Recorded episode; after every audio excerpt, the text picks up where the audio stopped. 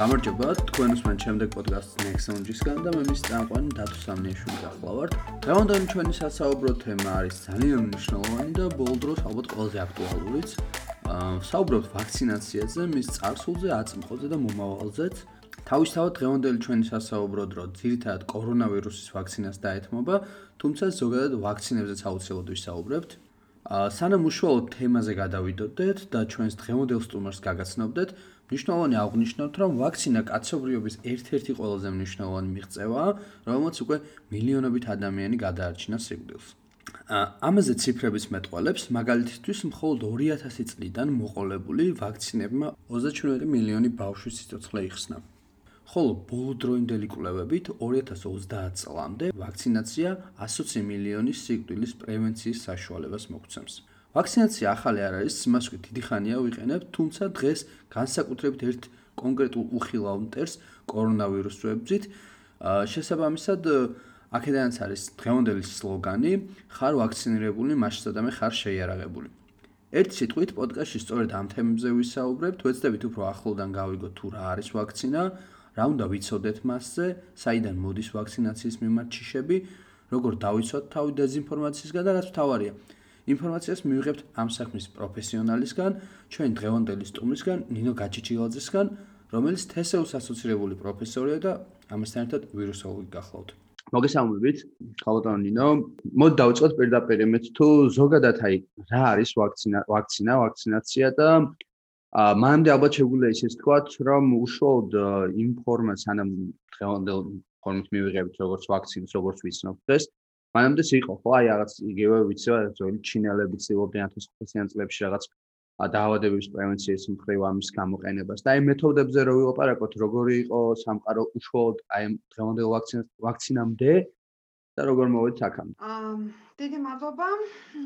საინტერესო თემატიკაა ნამდვილად და სანამ კონკრეტულად იმაზე ვისაუბრებდეთ, რას მიმართავდა ძველი ხალხი, ანუ ძველად წინა საუკუნეებში ხალხი, ა იმისათვის რომ ინფექციური დაავადებებიდან თავი დაეღწია და დაავადებებისგან თავი დაეღწიათ, მოდით ორი ერთი ორი ნაბიჯით უკან დავიხიოთ და საერთოდ იმაზე ვისაუბროთ, რომ რანაი როგორ რა იყო ის, რამაც ამ ხალხს აფიქრებინა, რომ ხილული სამყაროს მიღმა იყო კიდე რაღაცა სამყარო, რომელსაც ისინი მართალია ვერ ხედავდნენ, მაგრამ მოიაზრეს მათი მონაწილეობა თავიანთ დაავადებებში და თუდად ყოფნაში, იმიტომ რომ დამეთანხმეთ დღეს 21 საუკუნეში ყველანაირი ტექნოლოგიით შეიარაღებულმა ადამიანმა შეიძლება მას არ ეყოს გამბედაო ფანტაზიური გამბედაობა იმისათვის რომ ივარაუდოს რაღაცა ისეთის არსებობა რომლის არანაირი დამადასტურებელი საშუალება მას ახლა არ აქვს უხილავი, უხილავი. უხილავი აბსოლუტურად და არანაირი საშუალება იმისი, რომ დაინახოს და დაადასტუროს თავისი მოსაზრება, ну, დღესდღეობით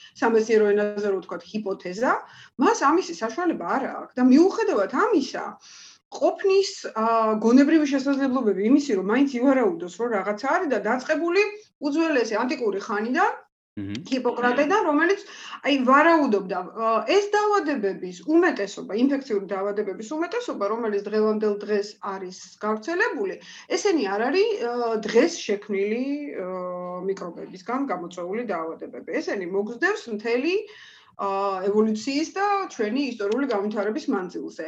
და მეცაც გეტყვით, ეს ჩვენ ვართ აქ სტუმრები, ადამიანები, თორე მიკრობების არის ეს სამყარო. ჩვენამდეც იყო დიდი ხანი. რა გაცილები დიდი ხანია და მათ ისიც არ უნდა დაგვავიწყეს, რომ მათ გაუძლეს და მათ გამოიარეს დედამიწის ევოლუციის აბსოლუტურად ყველა პერიოდი. შესაბამისად ადაპტაციური მექანიზმები მათი და ჩვენი ერთ დონეზე ნამდვილად არის ისინი გაცილებით უფრო ძლიერი არიან. იმას უთავი დავანებოთ რომ გაცილებით მრავალრიცხოვანი არიან და ვერ წარმოიდგენთ რა რა რა რამხელა მიკრობულ სამყაროში ვცხოვრობთ ჩვენ რა რა რისხობრივად რა რაოდენობის არის მარტო იმის დაშვება რომ მიკრობული სამყარო არის აბსოლუტურად ყველაფერში და ყველაფერზე რასაც ჭამთ, რასაც სვამთ, რასაც ვეხებით, რითიც სუნთქავთ, ჩვენი მთელი სხეული ზედაპირი დაფარულია მიკროორგანიზმებით. ну ძალიან მრავალრიცხოვანი არიან და რაც თავია მრავალფეროვანი არიან. მრავალრიცხოვნება არ ნიშნავს მრავალფეროვნებასაც. მრავალრიცხოვანი არიან და მრავალფეროვანი არიან. და ბედი ჩვენი რომ მათი მხოლოდ სადღაც 1/13 არის ჩვენთვის საშიში და პათოგენური. ესენი ყველანი საშიში იყოს, ჩვენ ალბათ ვერ გადავრჩებოდით ვერანაირად. ალბათ სახეობასაც საერთოდ განვითარება ძალიან გაუჭირდებოდა და გინდაც ამ აქამდე მისვლაც ძალიან გაუჭირდებოდა. ძალიან მით უმეტესო ჩვენ ამას ეს გითხარით ცოტა ხნის წინ რომ ანუ ამათ ყველას გავლილი აქვთ მილიონობით წელი დედამიწის ფორმირებასთან ერთობლივად რა. და ასეულობით მილიონი წელი და ახლა წარმოიდგინეთ რამხელა გადარჩენის მექანიზმი, ადაპტაციის რამხელა მექანიზმი აქვს მათ და რა გვაქვს ჩვენ. და აი ამას უპირისპირდებით ახლა. ამიტომ აქედან გამომდინარე არასდროს არ უნდა გაგვიკვირდეს აა ნუ პრინციპში საქმე ხო განათლებაში რაც მეტი იცი, მით მე ნაკლები არის შენ ცოდნის იქეთ მისტიური სამყარო, რომელსაც მე რაღაცებს დააბრალებ და ვერ ახსნი მოვლენას და მე იწყება უკვე რაღაცა კონსპირაციული თეორიების და ხო, აი მაგაზეც კი ბატონო, მაგას საოცრად ვისაუბრებ დღეს და ეგ მართლა ძალიან საინტერესო მომენტია, ოდესაც საიდან ჩდება საერთოდ ეს კონსპირაციის თეორიები, შეიძლება ერთი იყოს ვიღაცებს ეს აწყობდეთ და მეორე უფრო მაინც ის არის ალბათ, რომ როდესაც საზოგადოებას არ აქვს ინფორმაცია ა ზოგადად მეცნიერებასთან მეცნიერებაზე ტექნოლოგიებზე აქედან ჩდება მე ზუსტად ის შეკითხვები რომ პასუხს ვერ იღებ და აქედან ჩდება უკვე უნდობლობის ფაქტორები რაც ძალიან ცუდია ხო საბოლოოდ და ეს არ არის უბრალოდ არ არის ეს უბრალოდ ის რომ ადამიანი არენდობი რაღაცას და ეს შენი არჩევანი ეს არის ციცოცხლეს საფრთხეს უგდებ როგორც შენ თავს ასევე გარშემო მყოფებს ხო ესეც. აა იცით რა მე მესმის აი ხლა რატო რატო ასე თქვა ამ კუთხით რატო წავიდა ჩვენი ლაპარაკი? იმიტომ რომ დღევანდელ დღეს მსოფლიო დატაკებული არის უბრალოდ პანდემია არის დატაკებული მსოფლიოს და ვეძებთ გამოსავალს გვაქვს გამოსავალი ვაქცინის სახით და აი ხლა ატყდა ესეთი დიდი ალღა რომ არა ეს რაღაცას თუ დაგვიშავებს ესე ვიზამთ ისე გვიზამენ და რაღაცა მართლა კონსპირაციული თეორია და რაღაცა საშინელების შეთქმულებების და რაღაცა მასონური ისინი მოდის წინ მაგრამ ხდიახ აი საქმე არ განათლებაში რა. აა მარტი რაც წეღავ თქვი რაც მეტი იცი ხო, მით ნაკლები რჩება აუხსნელი და ამოუხსნელი. და მით ნაკლებ შიშბადებს ეს. აა დღევანდელ დღესაც ძალიან ბევრი მოვლენა არის ამოხსნელი და იმედი მაქვს რომ არ შეჩერდება აროზოს პროგრესი, ტექნოლოგიური პროგრესი და ადრე თუ გვიან რაღაც რაღაცებს ნელ-ნელა ნელ-ნელა გავარკვევ. ის კითხვის ნიშანი რომ აა აი როგორ გითხრათ ესეთი უნდობელი განწყობილება რაც აღამწყობა ადამიანებში რომ ასე სწრაფად როგორ შექმნეს და ჯერ რო გამოცდილი არ არის და ვაიმე კამერას დამიშავებს და იქ რაღაცა ჩადებულია ჩიპი და რაღაცა კოდი და ნუ რაღაც წარმოუდგენელი. ну იცით როგორ გითხათ ახლა? შეუძლებელი ალბათ არაფერი არ არის. კი ბატონო წარმოუდგენელია რაღაცა ახლა დღევანდელ დღეს 21 საუკუნეში საკმაოდ დიდი ტექნოლოგიური პროგრესი გვაქვს ჩვენ რომ რაღაცას მაგრამ იცით რა? მარტივად რომ წარმოიდგინოთ, აი ყველაზე ყველაზე ყველაზე მარტივი რაღაცა, რაც შემილია შედარება მოვიყვანო და ეს მუშაობს ხოლმე ეს მეთოდი, ეს მეთოდი მუშაობს სტუდენტებთან და მუშაობს, ანუ სტუდენტებიც ხო ის ნაწის აა ის აუდიტორია, რომელმაც შეზე ნაკლები იცის და შენ რამენერად უნდა გააგებინო. აი ხა იმისათვის რომ ეს სიტყვა მივიტანოთ ხალხამდე, მოდი რაღაც ესეთ შედარებასავით რომ მოვიყვანოთ, რომ აი რომ წარმოვიდგინოთ უჯრედი. აჰა. აა წარმოვიდგინოთ რომ ეს არის რაღაცა ძალიან დიდი ქარხანა. ფანტასტიკურად აწყობილი მინდა გითხრათ. ფანტასტიკურად, ესე არაფერი არ არის დედამიწაზე ესეთი აწყობილი როგორც უჯრედია. აა უჯრედი არის ერთი დიდი ძალიან ძლიერი ქარხანა. დნმ, ანუ ჩვენი ქრომოსომული აპარატი, ხო ასე უხეშად რო ვთქვა. ეს არის როგორც აი ძალიან დიდი საწყობი, და იქედან შენ უნდა გამოიყენო რაღაცა მასალა, ანუ ის პერიოდულად წარმოებაში უშვებს რაღაცა თავის ნაწილებს, რომ რაღაცა პროდუქტი შექმნას. აი, უჯრედის ორგანელები, ნებისმიერი ორგანელები, ესენი არიან დამხმარე დანადგარი. მაგრამ თვითონ ქარხანა, საწყობი, დამხმარე დანადგარები, ესენი ყველანი ვერაფერს ვერ გააკეთებენ. აა ეს დნმ-ი ასე ვთქვათ, აი ძირითადი ნედლეული, აი საწყობა საწყო დასაწყობებული ძირითადი ნედლეული რო წარმოვიდგინოთ ახლა, ხო? თუ არ გვეყოლება მუშახელი, ანუ ვიღაცა ვინც რაღაცა შექმნის, ხო სწორია? ესეც არიელი ქარხანა თავისი საწყობებით და ნედლეულით გამზადებული და აპარატურით ვერ იმუშავებს, თუ არ გვეყოლება რაღაცა ეს მუშახელი არ გვეყოლება და აი რომ წარმოვიდგინოთ ახლა რომ გადავიტანოთ ეს ყველაფერი ვაქცინაზე რომელიც ახლა მოგოწოდება და ახლა რაღაც ვლენებათა ღელვა გამოიწვია. აი ეს მუშა მუშა მასალა ანუ მუშები და ეს არის აი ეს მესენჯერული RNA-ი რომელიც შედის ამ ვაქცინაში Moderna და Pfizer-ის ვაქცინას გულისხმობ. ეს არის ეს მესენჯერული RNA-ი. და მათ უნდა მოგცენ ჩვენ საბოლოო ჯამში პროდუქტი spike ცილის სახით დაასინთეზი, ანუ აიძულონ უჯრედი დაასინთეზირონ ეს spike პროტეინი, რომლის წინააღმდეგაც მე იმუნური სისტემა ჩაირთვება. ეხლა მე მარტივი შეკითხვა მაქვს. აი ამ მუშა მასალას და ნედლეულს ქარხნის დაზიანება შეუულია რავი, არ უნდა. სხვა შემთხვევაში ვერ გამოვა, ხო, ეგ ამ. კი ბატონო. აი, ну, აი ესეთი ანალოგიით რო წავიდეთ, უნდა მივხვდეთ, რომ ეს ვერ გამოვა რა. ვერ გამოვა. ა არ იმუშავებს ეს პროცესი, უკან არ მუშაობს. ა როგორ გიხათ, მესენჯერული RNA-ი, როდესაც ხდება უჯრედში, ის პირდაპირ უკავშირდება რიბოსომას, ანუ ერთ-ერთ ორგანელას და იწყებს ცილის სინთეზს. ის უკან გზას დნმ ბიოლოგია მუშაობს პრინციპში პრინციპით დნმ-დან გადადის ინფორმაცია რნმ-ზე და რნმ-დან მე რიბოსომი და ხდება ცილის სინთეზი, ხო? ჩვენ სადღაც ჩუაში ვართ ამ პროცესის და მესენჯერულ რნმ-ს არ აქვს არანაირი საშუალება დაბრუნდეს ჯერ დნმ-ში შეცვალოს გენეტიკური რაღაცა მასალა ჩვენში და მე დაიწყოს იმ შეცვლილით ფუნქციონირება. ხო, ერთ-ერთი არგუმენტი რატომღაც ეგ არის ხოლმე, რომ დნმ-ის დონეზე ცვლიან რაღაცას ამბობენ რაც. არაფერს არ ცვლიან დნმ-ის დონეზე დონეზე ვერაფრით ვერ შეიცვლება, როგორც გითხარით, ახლა ეს დაახლოებით იგივეა, რომ ნედლეულმა და პროდუქტმა შეცვალოს ქარხანა. აჰა. და მანდ არის კიდე ერთი მომენტი, კი ბატონო.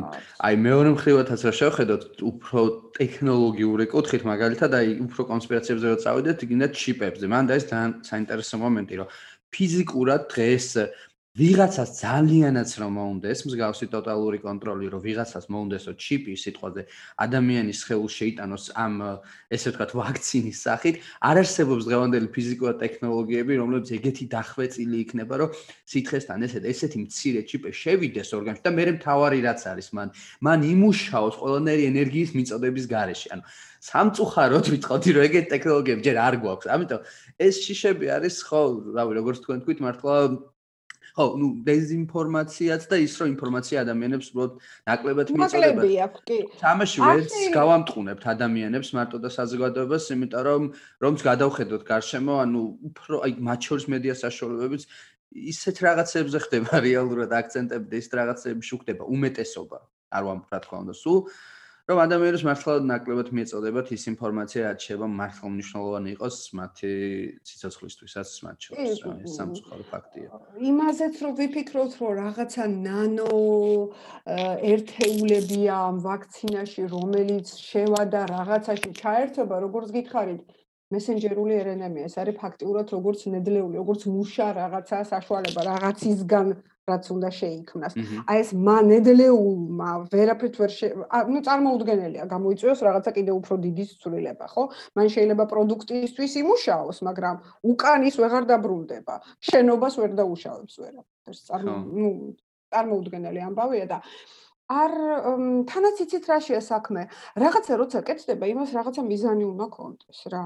და ну, რასაც მე ხა სოც ქსელებში ვკითხულობ ან მესმის და რაღაცა კონსპირაციული თეორიები რომ უნდა შემცირდეს ხალხის რიცხვი და მე იქ ვიღაცა ერთი ერთი ღილაკით გამოგვრთავს და ჩაგვრთავს და ну, აი დავუშვათ. დავუშვათ რომ შევიდა, შევიყვანე მე ჩემს ორგანიზმში ჩიპი და ასეთი არის მილიონობით ადამიანი და მილიარდი და მე ილონ მასკი დააჭერს ერთ დღეს ღილაკზე თიც და გამორთავს ამას და ას გამორთული სამყარო რა როგორ მუშაობს ილონ მასკის სასარგებლოდ? ხოლმე რაში ჭირდება ხო?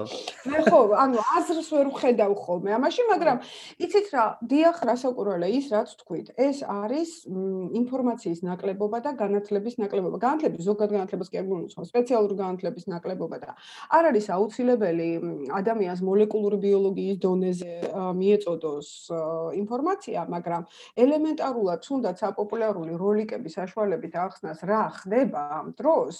და ნუ ხა რაღაცა ზოგადად ძალიან ძალიან ძალიან ეჭვიანი პოპულაცია კიდე შეიძლება დარჩეს რომელიც არენდობა ამისთვის არსებობს აცრის სხვა საშუალება არსებობს ახლა როგორც ვიცი მიდის მოლაპარაკება და ჩინური ვაქცინა ჩემოა რომელიც ჩვეულებრივი კლასიკურ ფორმ პლატფორმაზეა აგებული ანუ დასუსტებული ინაქტივირებული ან ატეინევრონებული ჩვეულებრივი ისევე კორონავირუსია და ასეთი ავაქცინებით ვიცრებოდით მთელი ჩვენი თაობები და თაობებია აწლეულებია ვიცრებით ასეთი ტიპის ვაქცინები. ხო აი ძალიან საინტერესოა განსხვავებებიც რო თქვათ რომ ანუ რეალურად რა განსხვავებებია მათ შორის აი ჩინურ ვაქცინას კიდაც AstraZeneca-სა და Pfizer-ს შორის? ძალიან დიდი განსხვავებაა, სიმართლე რო გითხრათ, დღესდღეობით კონკრეტულად კორონავირუსის წინააღმდეგ რაც გამოიყენება, ეს არის ძირითადად 4 პლატფორმა, რომელიც დამუშავდა სხვადასხვა ქვეყნებში და სხვადასხვა მწარმოებლების მიერ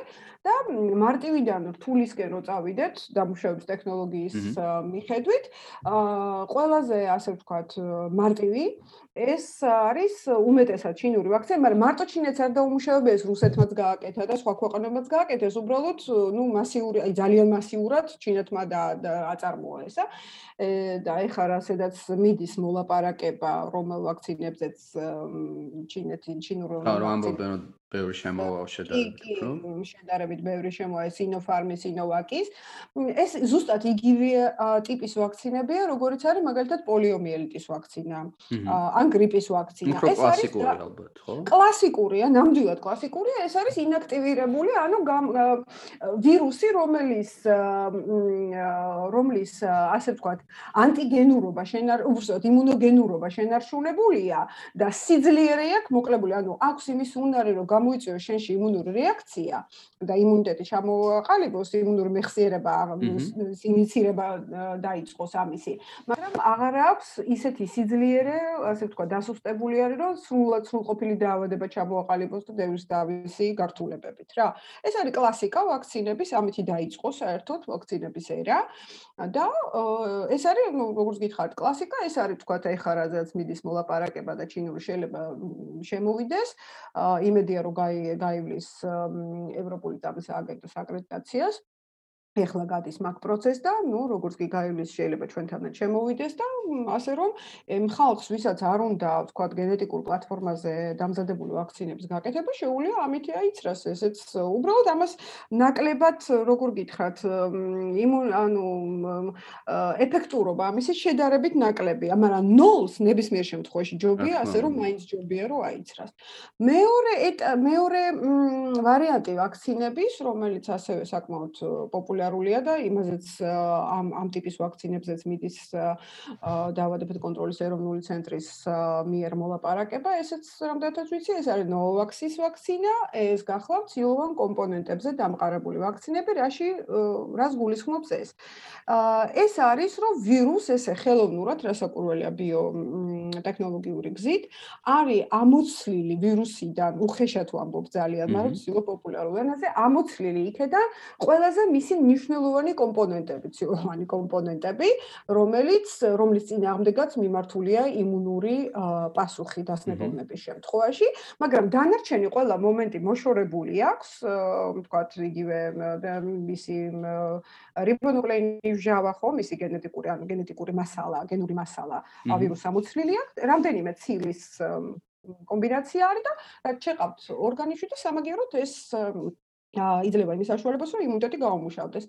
ამასაც არაუშავს ეფექტურობის თვალსაზრისით, თლათ ისეთი ძალიან 90-16-16-14%-იანი არ არის, მაგრამ სადღაც 70-60-70%-ია ეფექტურობა და ესეც აბსოლუტურად მისაღებია ნოლს ყველაფერი ჯობია და აი ამ ტიპის ესეთი ტიპის არის უკვე აპრობირებული და ძალიან ფართოდ მოხმარებული, მაგალითად ბგ ჰეპატიტის ვაქცინა. აა მესამე ეს გახლავს სწორედ ის რაც ახლა პირველი შემოვიდა საქართველოში და ატყდა ერთი ამბავი ეს გახლავთ AstraZeneca-ს ვაქცინა სხვადასხვა აბსოლუტურად იგივე პლატფორმა. ეს არის იგივე რაც იგივე პლატფორმა არის რაც არის Sputnik-ი რუსული, Johnson & Johnson-ი და ეს არის იგივე პლატფორმა რაც გამოყენებული იყო Ebola-ს ვირუსის წინააღმდეგ. და ძალიან კარგად იმუშავა. ეს არის ესეთი რაღაცა, ეს არის ქიმერა, ასე ვთქვათ, ეს არის ორი სხვადასხვა ვირუსის გენეტიკური მასალის შეერთების შედეგად მიღებული მოზაიკური ტიპის ვირუსი. ერთი არის, ასე ვთქვათ, გადამტანი ვირუსი, რომელიც რომლის რომელიც არის აბსოლუტურად გაუვნებელყოფილი და აა ვერ გამოიწვევს ადამიანში დაავადებას და მის გენეტიკურ მასალაში არის ჩაშენებული იმ ვირუსის გენეტიკური მასალა, რომლის მიმართაც ჩვენ გვინდა რომ იმუნიტეტი გამოვიმუშაოთ. ამ შემთხვევაში ყველა დასახელებულ წარმოებულს ეს იყო ჯონსონი, ეს არის ოქსფორდი, ეს არის რუსეთის გამალეის ინსტიტუტი თუ ასე შემდეგ, გამოყენებული ასეთ გადამტან ვექტორად, აყა გამოყენებული აქვს ადენოვირუსული ვექტორი. ადენოვირუსი თვითონ არის ეგრეთ წოდებული, ასე ვთქვათ, ბჭყალებში გაციებების გამომწვევი ვირუსი. ჩვენ ხო, როდესაც ზამთარში რაღაცა გვემართება ხოლმე, აა ყველაფერს გრიპს ვეძახით, მაგრამ რეალობაში ყველაფერი გრიპი არ არის.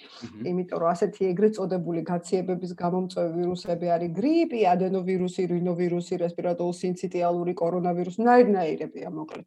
და აი ერთ-ერთი ესეთი ესეთი გაციებების გამომწვევი ვირუსი ადენოვირუსი არის გაუვნებელყოფილი აბსოლუტურად და მის გენეტიკურ მასალაში არის ჩართული აა ისე რა ქვია კორონავირუსის გენეტიკური მას გენური მასალა და ესე არის შეყვანილი. ანუ ისევე აიძულებს ორგანიზმს რომ დაასინთეზიროს რაღაცა, აი spike პროტეინი ამ შემთხვევაში ჩვენი სამიზნე, spike პროტეინი, რომ მე იმის მიმართ გამომუშავოს იმუნური პასუხი და ამ ასეთი ტიპის ვაქცინის ვაქცინა მაჩვენა საკმაოდ მაღალი ეფექტურობა, უფრო მეტი ვიდრე Novavax-მა და Sinopharm, ანუ უფრო მეტი ვიდრე წინა ორი პლატფორმით, რაც შემოთვალე იმითი შექმნილმა ვაქცინებმა და ასევე ეს პირველად გამოყენებული იყო ებოლა შემთხვევაში და ნუ ძალიან ეფექტური იყო. რაც შეეხება აი ამ ყბადაღებულ მოდერნას და ფაიზერის ვაქცინას, რომელიც მესენჯერული RNA-ის ბაზაზე არის დამზადებული, ანუ ეს ის არის, რაზედაც ვისაუბრეთ, ეს ქარხანა, აწყობა, ამოწყობა და ასე შემდეგ.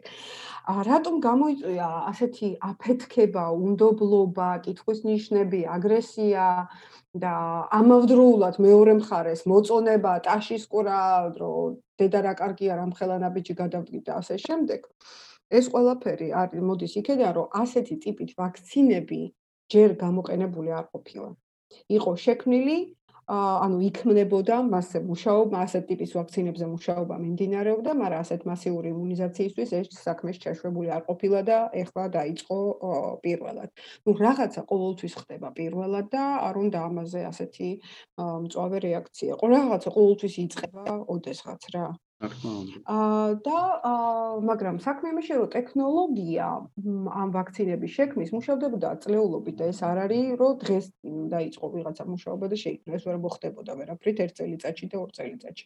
დიდი ხანია ეს მუშავდებოდა, თუმცა სიმართლე რო გითხრათ მესენჯერული RNA-ზე დაფუძნებული ეს პროფილაქტიკური ან სამკურნალო ღონისძიებების ანუ სამკურნალო საშუალებების ან პროფილაქტიკური საშუალებების შექმნის მიზანი ძირითადად ვაქცინები ნაკლებად იყო, ვაქცინებზეც მუშაობდნენ მაგრამ ნაკლებად იყო ეს იყო თვათ გადასარევი.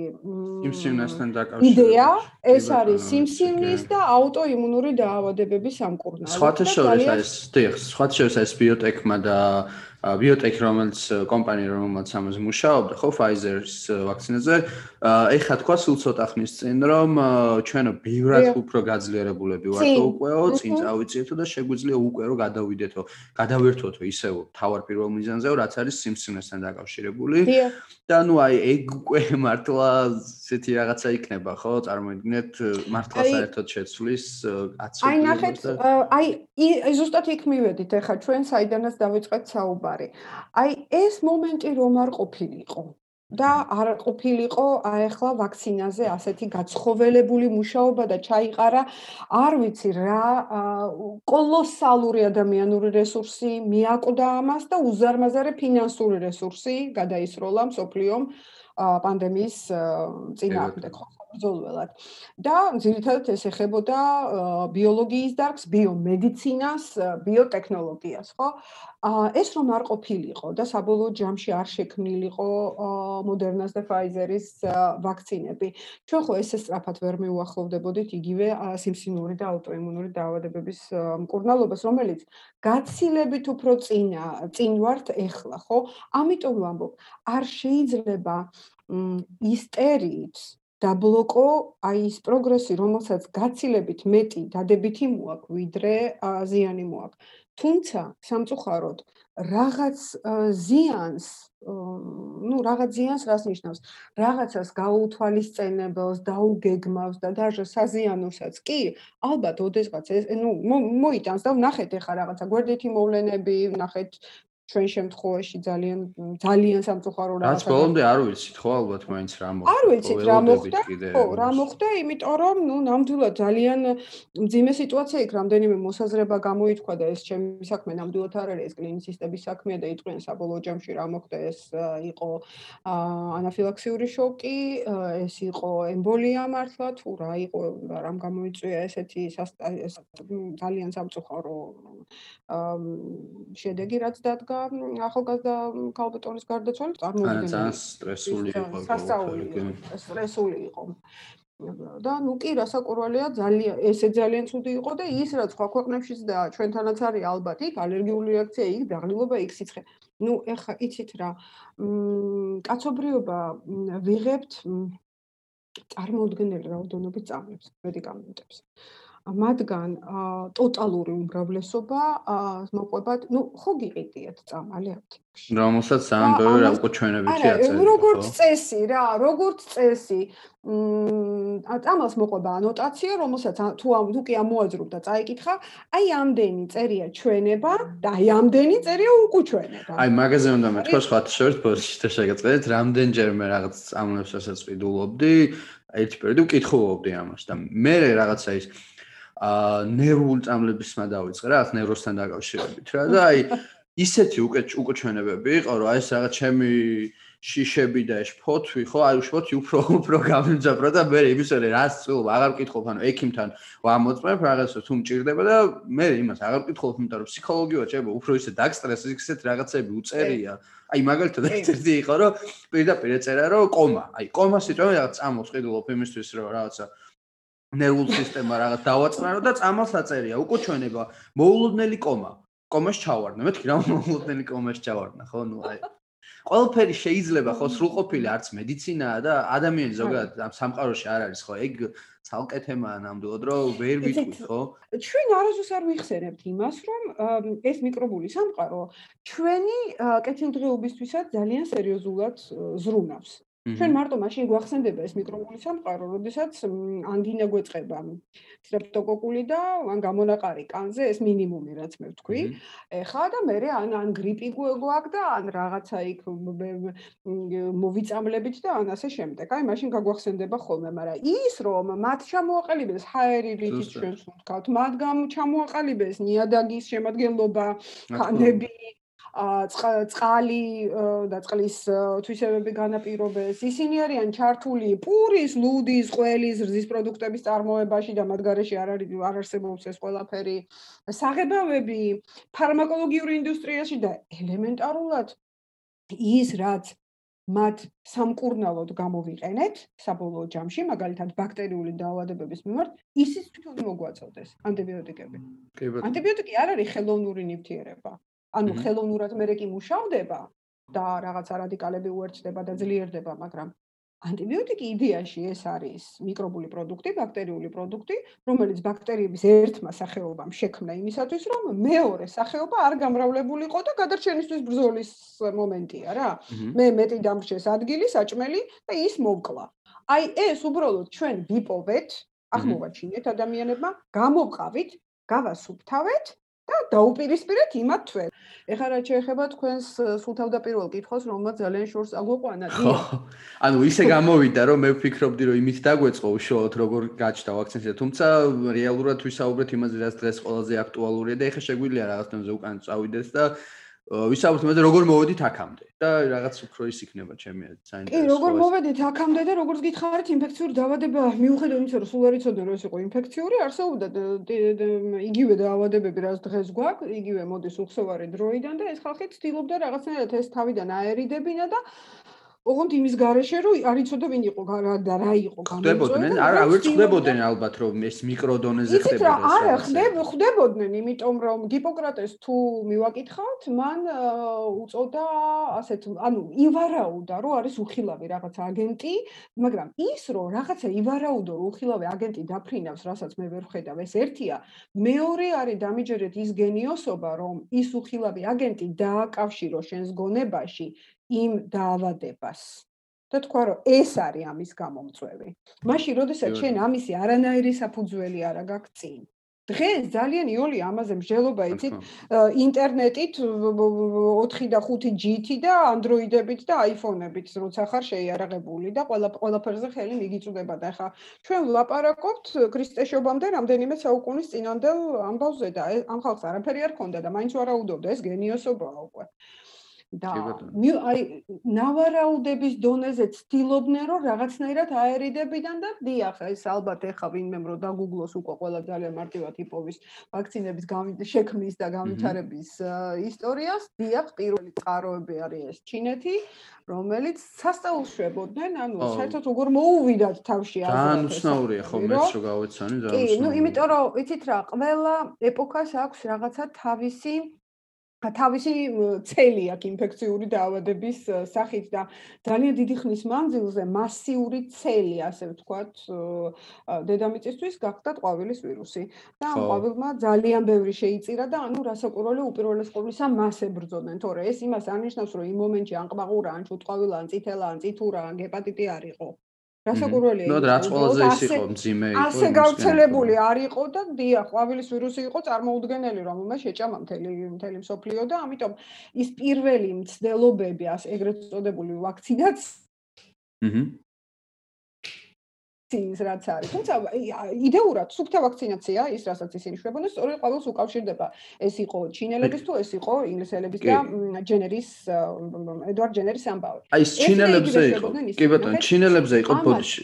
რაღაცა სიტყვი ჩინელებზე რა, უბრალოდ ეს მე რაც უბრალოდ რაც აღვიქვი იყო ძალიან საინტერესო რაღაცა რომ რეალურად აკეთებდნენ იმას რომ ასუსტებდნენ, ხო? ანუ ეს დაავადებულისგან ამოქონდათ რაღაცა ქსოვილი და ამას შემდეგ აშრობდნენ. და მე ისე ადებდნენ უკვე ადამიანის ცხვრში უშვებდნენ ხო? აი ეს ძალიან მაგარი რაღაცაა და როგორ მივიდნენ მაგამდე მართლა ძალიან საინტერესო. მიხვდნენ რომ და დაესუსტებინათ ხო.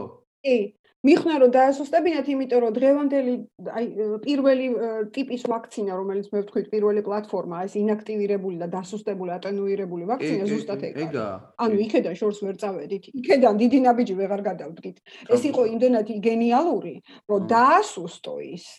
და მაქსიმუმ რაც ვქენით იგივე ტიპის ვაქცინებში ხო, მაქსიმუმ ვქენით დასუსტების გარდა მოვკალით, დავხოცეთ. ლიოფილიზატი გავაკეთეთ, დავხოცეთ, გამოვაშრეთ რაღაცა, მაგრამ ნუ ნებისმიერ შემთხვევაში დავასუსტეთ.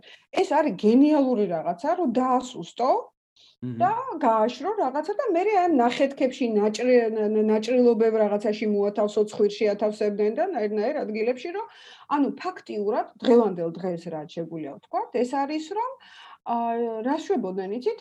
ანუ აა დასუსტებული ვარიანტით იწვევდნენ არა დაავადებას, არამედ აცნობდნენ ინფექციურ აგენტს, აცნობდნენ ორგანიზმს, რომ მის მისგან ასე ვთქვათ, გამარჯობა ნათქვამი ყოფილიყო რა, რაღაცა იმუნური რეაქციები დაწყებულიყო იმის გარეშე, რომ ჩამოყალიბებულიყო სრულყოფილი და მომზადებული ყოფილიყო შეიარაღებული, ხო, ესეც შეგვიძლია მომზადებული ყოფილიყო, იმიტომ რომ იმუნ, მაგრამ საინტერესოა მათ არიწოდნენ ეს, დარწმუნებული ვარ, რომ არიწოდნენ და არ ეკნებოდათ ამისი არანაირი ცოდნა, მაგრამ ფაქტია, რომ ეს ეს გადასარევად მუშაობს, ეს არის იმუნური სისტემის ერთ-ერთი ძალიან კარგი და დადებითი თვისება, ეგრეთ წოდებული იმუნური მეხსიერება, რაზედაც რასაც ემყარება საერთოდ ბრძოლა რაღაც რაღაც დაავადებებთან და მათ შორის ინფექციურ დაავადებებთან და ვაქცინაციის პრინციპი ამაზე დგას იმუნური მეხსიერების შექმნაზე რა.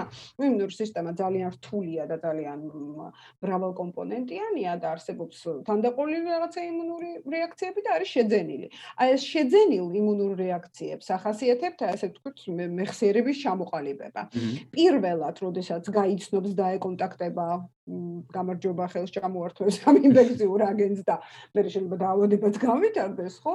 თუ ძალიან დაბალი დოზით შევიდა, აი გამარჯობი და ხელი ჩამორთმევით დამთავრდება ეს ამბავი და თუ საკმაოდ დიდი დოზით შევიდა ეს ინფექციური ნაწილაკები და არც იმუნური სისტემა არ დამხვდა, მაინდა-მაინც კაი მდგომარეობაში, ამ შემთხვევაში სრული კლინიკური სურათი ჩამოყალიბდება, მაგრამ დადებითი მომენტი არის ის, რომ ეს იმუნური სისტემა ამას შეინახავს თავის თავში.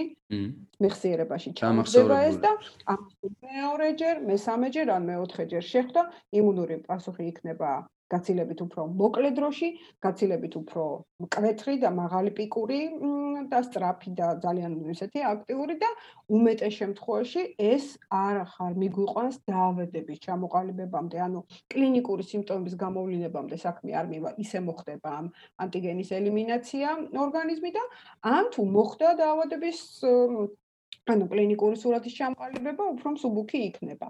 აი ამ ეს არ იცოდა ამ ხალხმა, სულ არ იცოდა იმუნური სისტემა და მისი თვისებები და ასე შემდეგ, მაგრამ მოახერხეს ძალიან სწორად გათვლა, რომ დასუსტებული მასალა ჩანერგეს, ჩადეს ადამიანის რაღაცა იქ ნახეთ კანის ნახეთქში, ჭრილობაში, ცხვირში, პირში და ასე შემდეგ და ასწავლეს იმუნურ სისტემას, დაანახეს, გააცნეს და ასწავლეს, რომ ესეთი არსებობს და ამას შენ შემდეგ ჯერზე თუ შეგხვდა, უნდა უპასუხო ძალიან ძლიერად. აჰა. ფაქტიურად იგივე თქნა მე, ეს ედვარდ ჯენერმაც, ხო? მე-15 საუკუნეებში იყო ჩინეთის ამბავი და მე-16-ს, უბრალოდ მე-15 მე-16 საუკუნეებშია ეს მას ასე ვთქვათ. კი, ჯენერი უკვე მე-18-ია, ხო? ჯენერი არის მე-18, რომელმაც რომელსაც ძალიან საინტერესო რაღაცა მოვიდა პრინციპში, აა მაშინაც ისტერი, ანუ ყვავილი მოდებული მთელ მსოფლიოში ხალხი იხოცება და ჯენერმა აღმოაჩინა ძალიან საინტერესო რაღაცას დააკვირდა, რომ ნახა რომ მეძროხე ქალები, ვინ წველი და ამძროხებს? ვინ წველი და ამძროხებს? ეს ხო, იმათ ან არ ემართებოდა, თან ნაკლებად ემართებოდა, თუმცა ხო, ანუ რომელმე მეძროხე ქალებს, რომელსაც ურთიერთობა ჰქონდათ იმ ძროხებთან, რომელსაც ჰქონდათ ძროხის ყვავილი. ანუ სიმპტომატიკა ერთი და იგივე იყო ადამიანში, ზოგ მწოვარში რა, ადამიანში და ძროხაში დაახლოებით ერთი და იგივე სისტემატიკა იყო ეს გაბნაყარი სიცხე ცხელება და ასე შემდეგ და ასეთ დაავადებულ ცხოველთან, ვისაც ჰქონდა ურთიერთობა, იმ ხალხს ეს ან არ ემართებოდა, ან თუ ემართებოდა, გაცილებით უფრო იული ფორმა. ეს საინტერესოა, აი თვითონ ჯენერს თუ ექნებოდა ინფორმაცია, აი ჩინელები რას აკეთებდნენ, შეიძლება მაკედანაც იყოს ინსპირაცია. აი ხო, მაგდენი აღარ ვიცი, სავსებით შესაძლებელია, მაგრამ ფაქტია რომ მაგანაც იგივე გააკეთა. იგივე გააკეთა, კი. აბსოლუტურად, ეს პუსტულები, ანუ ეს ბუშტუკები ყვავილის მიურსა გამოაშო და ის მოათავსა მერე ხალხის იმაში და გამოიწვა ფაქტურად კლასიკური ვაქცინა დაამზადა, რასაც ქვია. და თავად მებაღის შვილი აცრა 8 წლის თუ 9 წლის ბიჭი იყო. კი ბატონო, ეს იყო პირველი ბიჭი იყო, ხო, რომელიც აცრა და გადასარება ჩაიარა ამან და მოკლედ ძალიან დიდი გამოხმაურება პოვა და ხო, აი ვაქცინას ხო ძროხა თქვია ლათინურად, ეგეც ძალიან საინტერესო მომენტია მაკედან მოდის. ხო, ძროხა. ვაქცინა მოდის ვაკადან, კი, ძროხა, იმიტომ რომ ძროხას მიმადლოდე, თუმცა ჩინელები ამასობაში დაგვავიწყდა, მაგრამ ხო ჩინელები დაგვავიწყო, მაგრამ ჯენერმა ვინაიდან ძალიან ესე აქტიურად.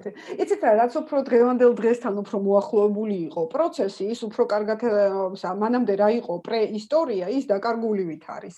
და შენ არიცი ამას წინ რა უძღოდა წინ, რა შემონახული არის და რაც უფრო აქეთ-აქეთ არის, აქეთკენ თანამედროვე დროსთან უფრო ახლოს, ის უფრო რასაც აი მე მგონია რომ შანსი არ არის რომ ჯენერს, ну არ შეიძლება არის, მაგრამ მგონია რომ უფრო ეცოდინებოდა რაღაც დონეზე მაინც რომ ჩინეთში ეს რაღაც ხდებოდა მით უმეტეს იმ დროინ კვლევარს რაღაც დონეზე ინფორმაცია უნდა ქონოდა ამაზე და შეიძლება ინსპირაციაც იყო რა ესეთ ფაქტს რო გაიგებ ეს ხდებოდა ხო რაღაც თუნდა დააკავშირო იმასთან რომ აა იცით რა ალბათ ხო თუმცა ბევრი ვერც დააკავშირდა გენიალურობაც მაგაშია რომ რაღაცა გენიალურობაც მაგაშია და დიახ ძირითადად მეცნიერების ძირითადი ქვაკუთხედი ცნობის მოყარება კი კი კი ცნობის მოყარება აბა ეს როგორ და აი აქედან იწყება ყველაფერი ხო რა, აი, სხვათა შორის თავში თქვენ რო ახსენეთ, აი მაგალითად ის, როდესაც ადამიანებს ინფორმაცია არა აქვთ, ანუ რო იჯერებენ უფრო კონსპირაციებს, რეალოდ ეს ინფორმაციის არცოდნა არის იარაღი, რომელიც შეიძლება ცუდადაც და კარგადაც შემოტრიალდეს, იმიტომ რომ ერთია, როდესაც ინფორმაცია არ გაქვს, მაგრამ შენ არ ცდილობ რომ მართლა რაღაც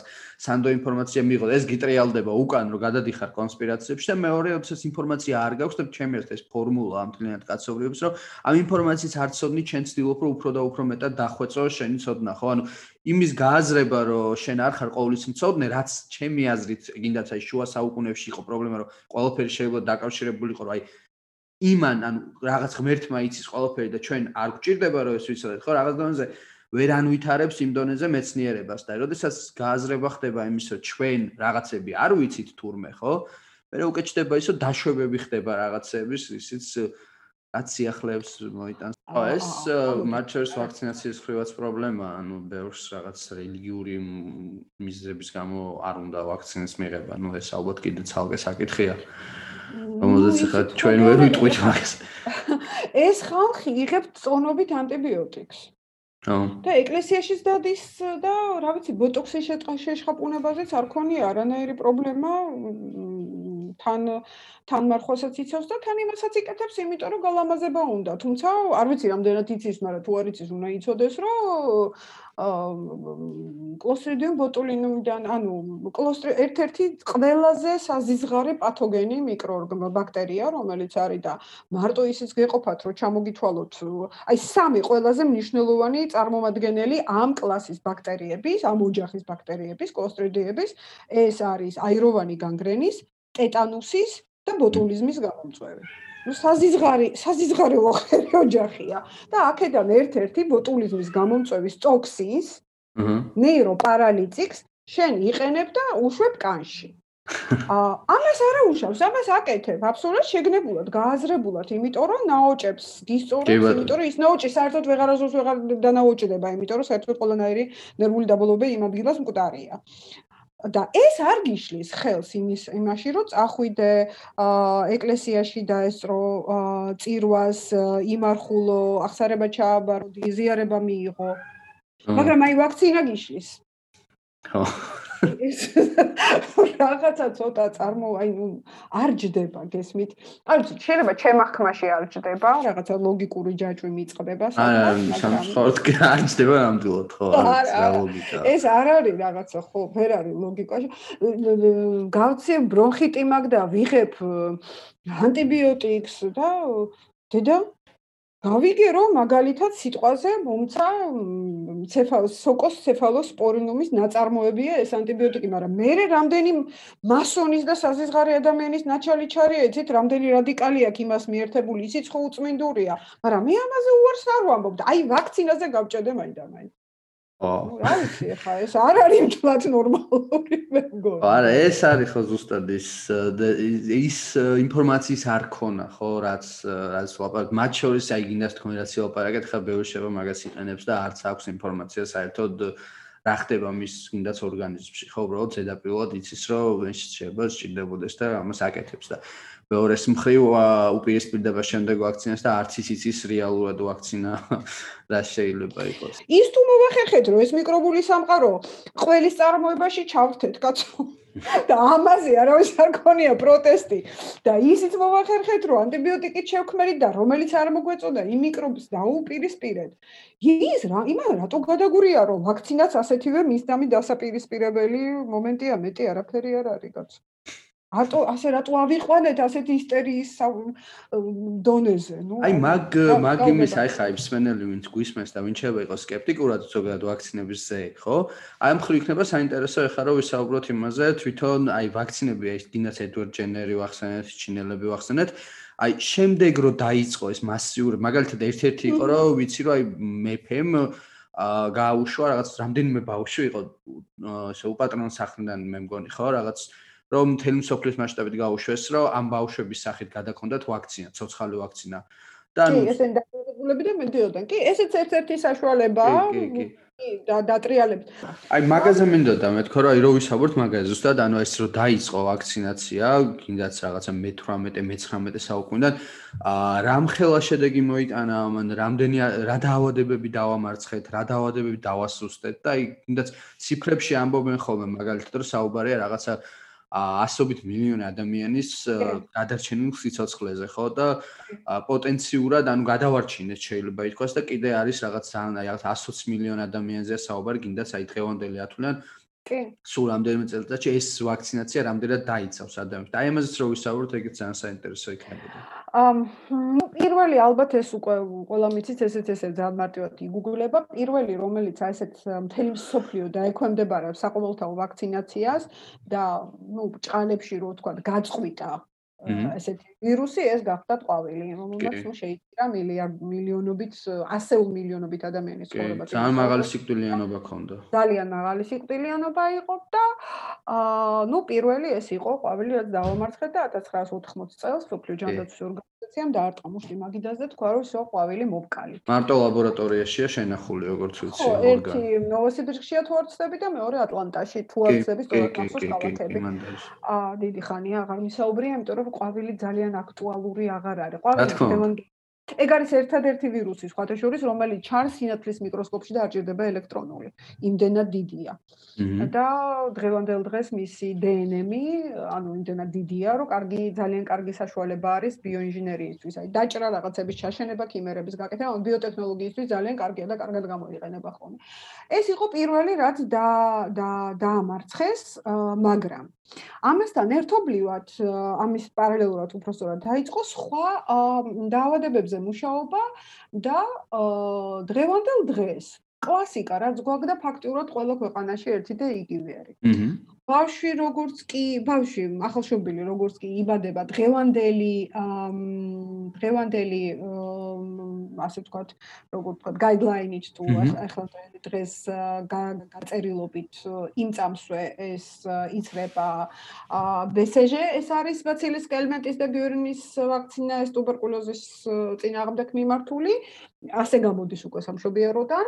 სადღაც 3 თვის ასაკიდან იწყება აკადე სირუსული ძველი აბრევიატურით ამბობ ეს არის დიფტერია, ტეტანუსი, ყივანახველა, რომელიც ინექციით კეთდება და პერორალური გზით მიიღება პოლიომიელიტი. აი ეს ყველა დაავადებები, რაც მე ხა ჩამოვცვალე, ხო?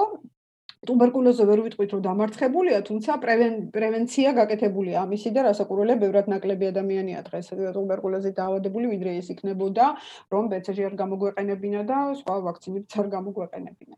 დიფტერია, ტეტანუსი, ყივანახველა, პოლიომიელიტი. ეს არის ის, რაც კეთდება 3 თვის ასაკში და მე თვენახევრის ინტერვალით კიდე რამდენჯერმე მეორდება. აა ორჯერ მინიმუმ მერე 1 წლის ასაკში, მერე 5 წლის ასაკში და ასე შემდეგ თავისი გაიდლაინი აქვს. ეხლა შევიდა ნელ-ნელა საყოველთაო აცრების სიაში წითელა წითურა ყბაყურა.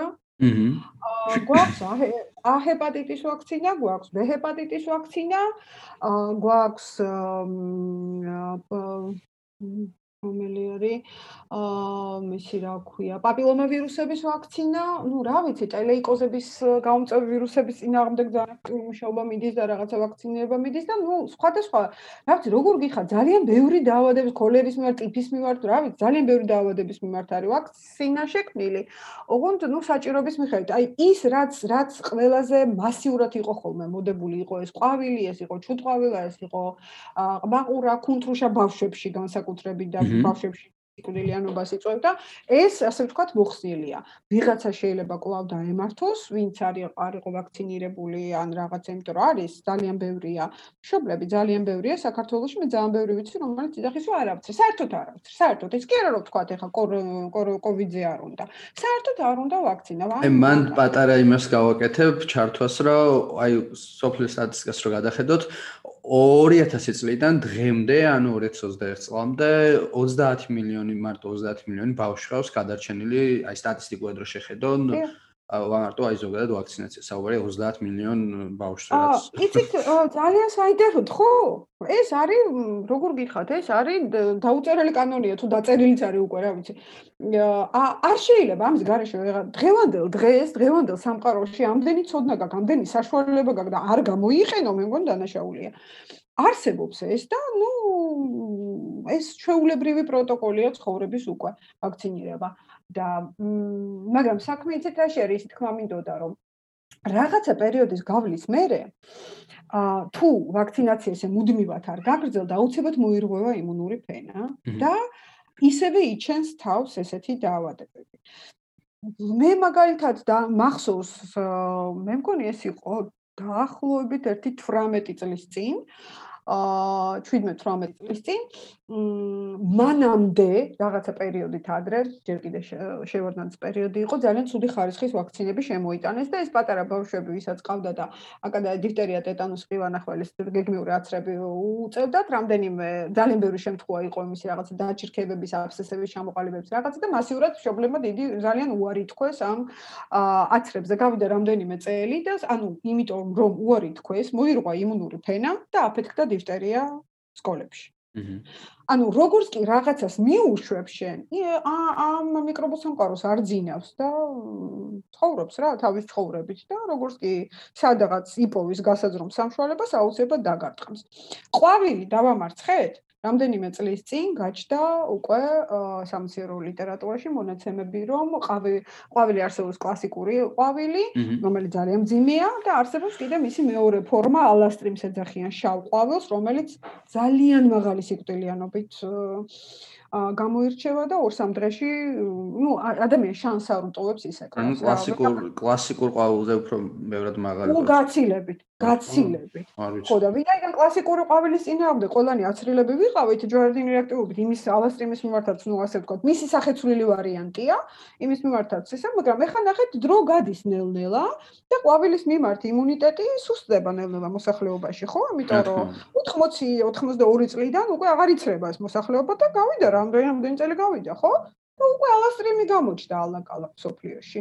და უკვე დაიწყო საფრთხე ჯანდაცვის ორგანიზაციამ ამაზე ფიქრი რომ ისევე ხომ არ განვაახლოთ ყვავილზე აცრა იმიტომ რომ მაგას ეგ ის კი არ არის რომ ეხლა ორი კვირა მიმდინარეობს და ან კარგად დამთავრდება და ამ ფილტვებზე განცულება მოხდება ან არ მოხდება და ან რა ქვია საერთოდ უსიმპტომოდ არა ალასტრიმს არ ახასიათებს უსიმპტომო ალასტრიმი თუ დაგეტაკა სამ დღეში მზად ხარ ამიტომ ამაზე აღარ არის არჩევ არჩევანი საშუალება არ არის და ანუ იმის თქმა მინდა რომ იმუნური ფენი შენარჩუნ ეს არ არის საკმარისი რომ მხოლოდ ერთხელ შეიქმნას ის რაღაცა პერიოდულობით მე რომ უნდა განახდეს რომ შენარჩუნდეს ეს იმუნური ფენა ამას ვერსად ვერ გავექცე გესმით?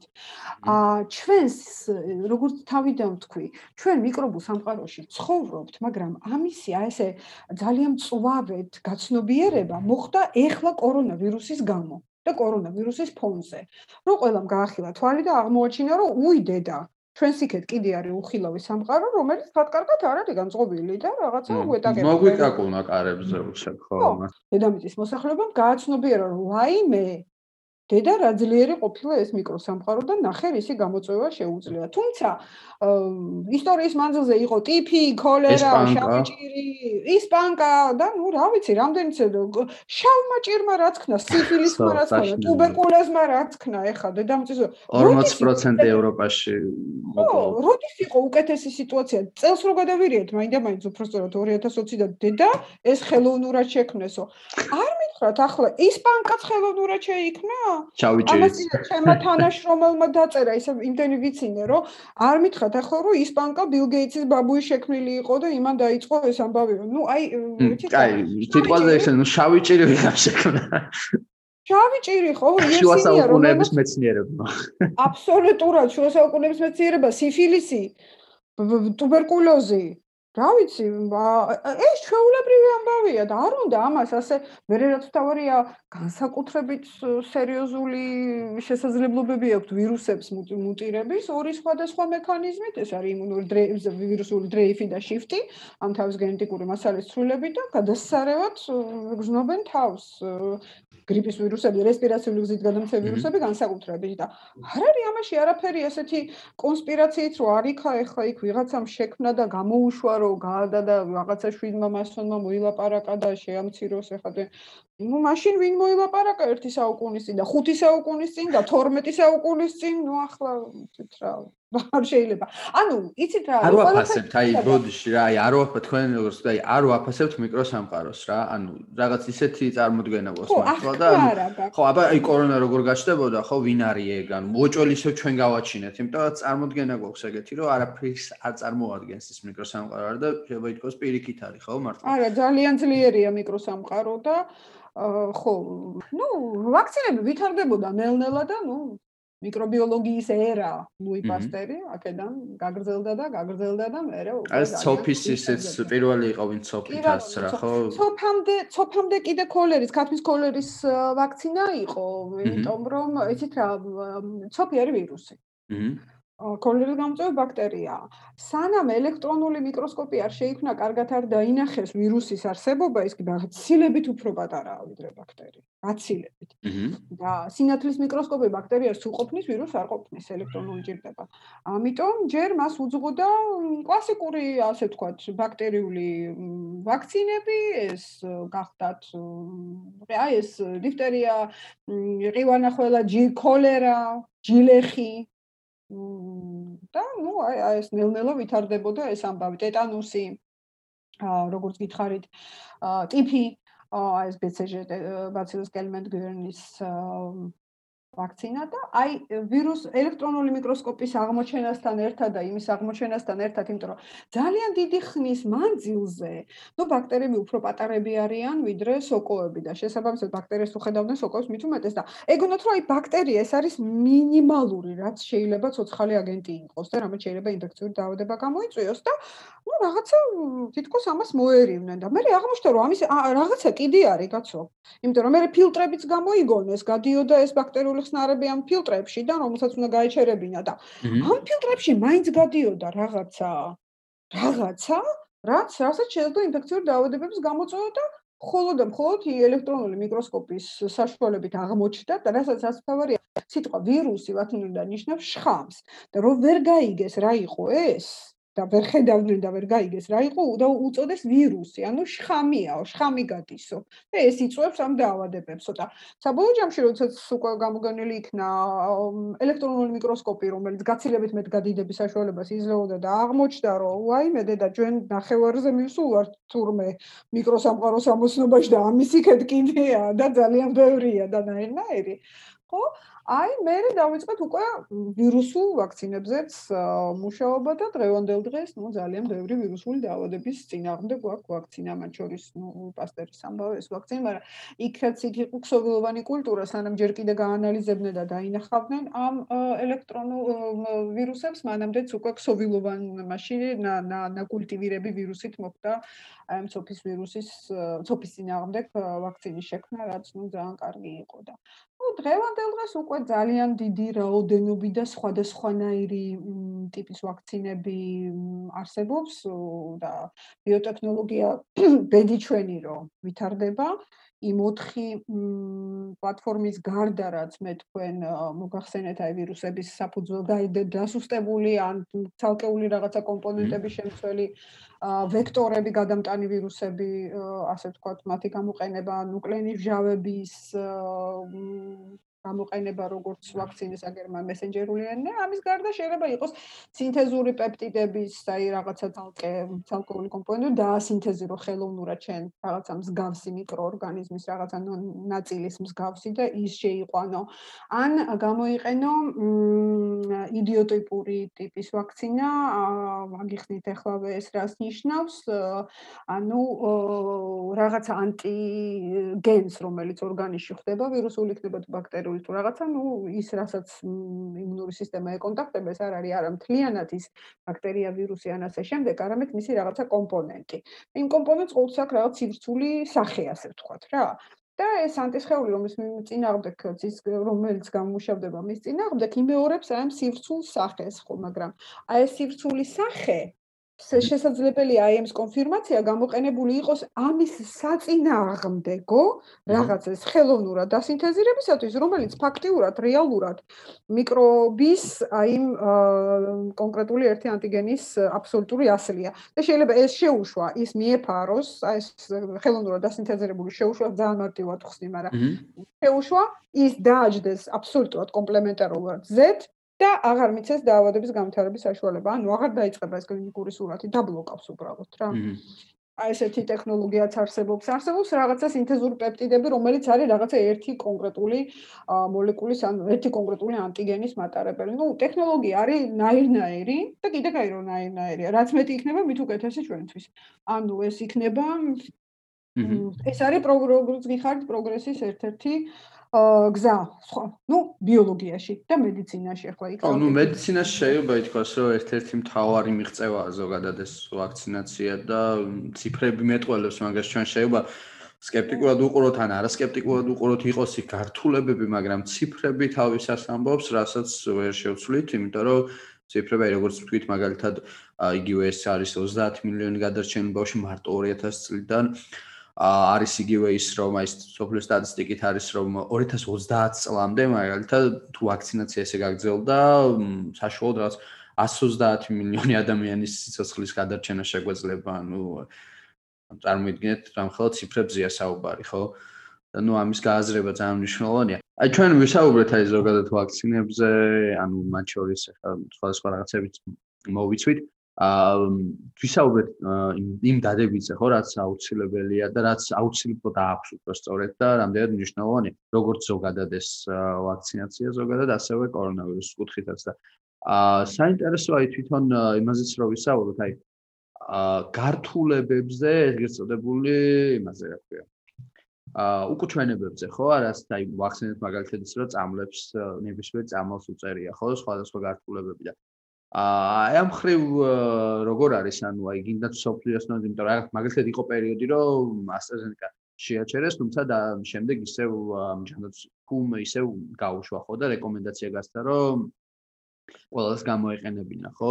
იყო იქ რაღაც აი თრომბოლის გაჩენაზეც იყო საუბარი თუმცა მე ეს აღმოჩნდა რომ არ იყო დაკავშირებული უშუალოდ ვაქცინაციასთან აი ამ ხრივ მე მაინტერესებს ისიც რომ ვთქვა რომ ეს პრობლემა არ არის მარტო კორონავირუსის ვაქცინის ხო? იგივე გართულება შეიძლება იყოს როგორც მოყვეს ნებისმიერ ვაქცინას ამასთან ერთად უშუალოდ რაზეც საუბრობენ აი მაგალითად ჩვენ შემთხვევაში საუბედრო შემთხვევა რაც მოხდა ჩვენთან ის ახალგაზრდა ექთანის გარცვალება იმ შოკზე ანაფილაქსიურ შოკზე რომ საუბრობენ ეს ანაფილაქსიური შოკი შეიძლება გამოიწვიოს როგორც ვიცი ფუტკრის ნაკვენმაც ან რაღაც ორგანიზმში ისეთ რაღაც მოხვედრა ხო კი რა საკურველია. ხო და აი აი ეს მაინტერესებს ანუ ეს უკუჩვენებები რო ვთქვა სიტყვაზე რა არის რამდენად შეიძლება ეს იყოს განსხვავებული კლასიკური ვაქცინებისგან სიტყვაზე კორონავირუსის ვაქცინის გაჩენამდე ან პირიქით იგივე რამდენად არის რა ეს მაინტერესებს იცით რა, მოდით მე გიპასუხებთ ჩემი ცოდნის და კომპეტენციის ფარგლებში, იმიტომ რომ ეს უკვე ისეთი კლინიკური ნაწილი არის, სადაც მედიკებს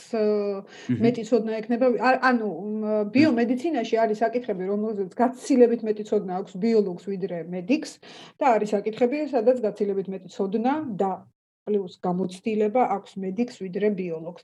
ეს თქვენ ჩვენ ახლა ისეთ ისეთ საკითხს შევეხეთ, სადაც წამყვანი პოზიცია უკავიათ მედიკოსებს, კლინიკის მედიკოსებს და არაბიოლოგებს, თუმცა უბრალოდ იმუნური სისტემის მოქმედების პრინციპებიდან და რაღაც რაღაც გართულებებიდან მე როგორც ბიოლოგს ხოლოდ აი რაღაცა ნაწილი შემიძლია გითხრა და დანარჩენი უკვე მედიკოსების საქმეა, მე ნამდვილად ამაში არც კომპეტენცია მეყო ანუ მე რომ გონია რომ ყოფნის ის შეიძლება სამყოფი არ იყოს ასე რომ მოდით ნუ ნუ მოვატყუებთ მსმენელს.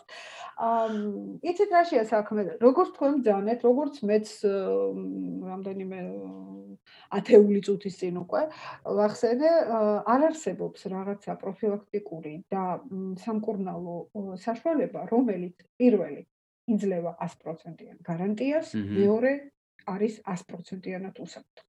ეგეთი რაღაც არ არსებობს რა აა რაღაცა რაღაცის ხარჯზე კეთდება ყოველთვის. და ესე რომ ინტაქტური იყოს სრულად და რა მაგას ნეიტრალიზმი ქვია ბიოლოგიაში.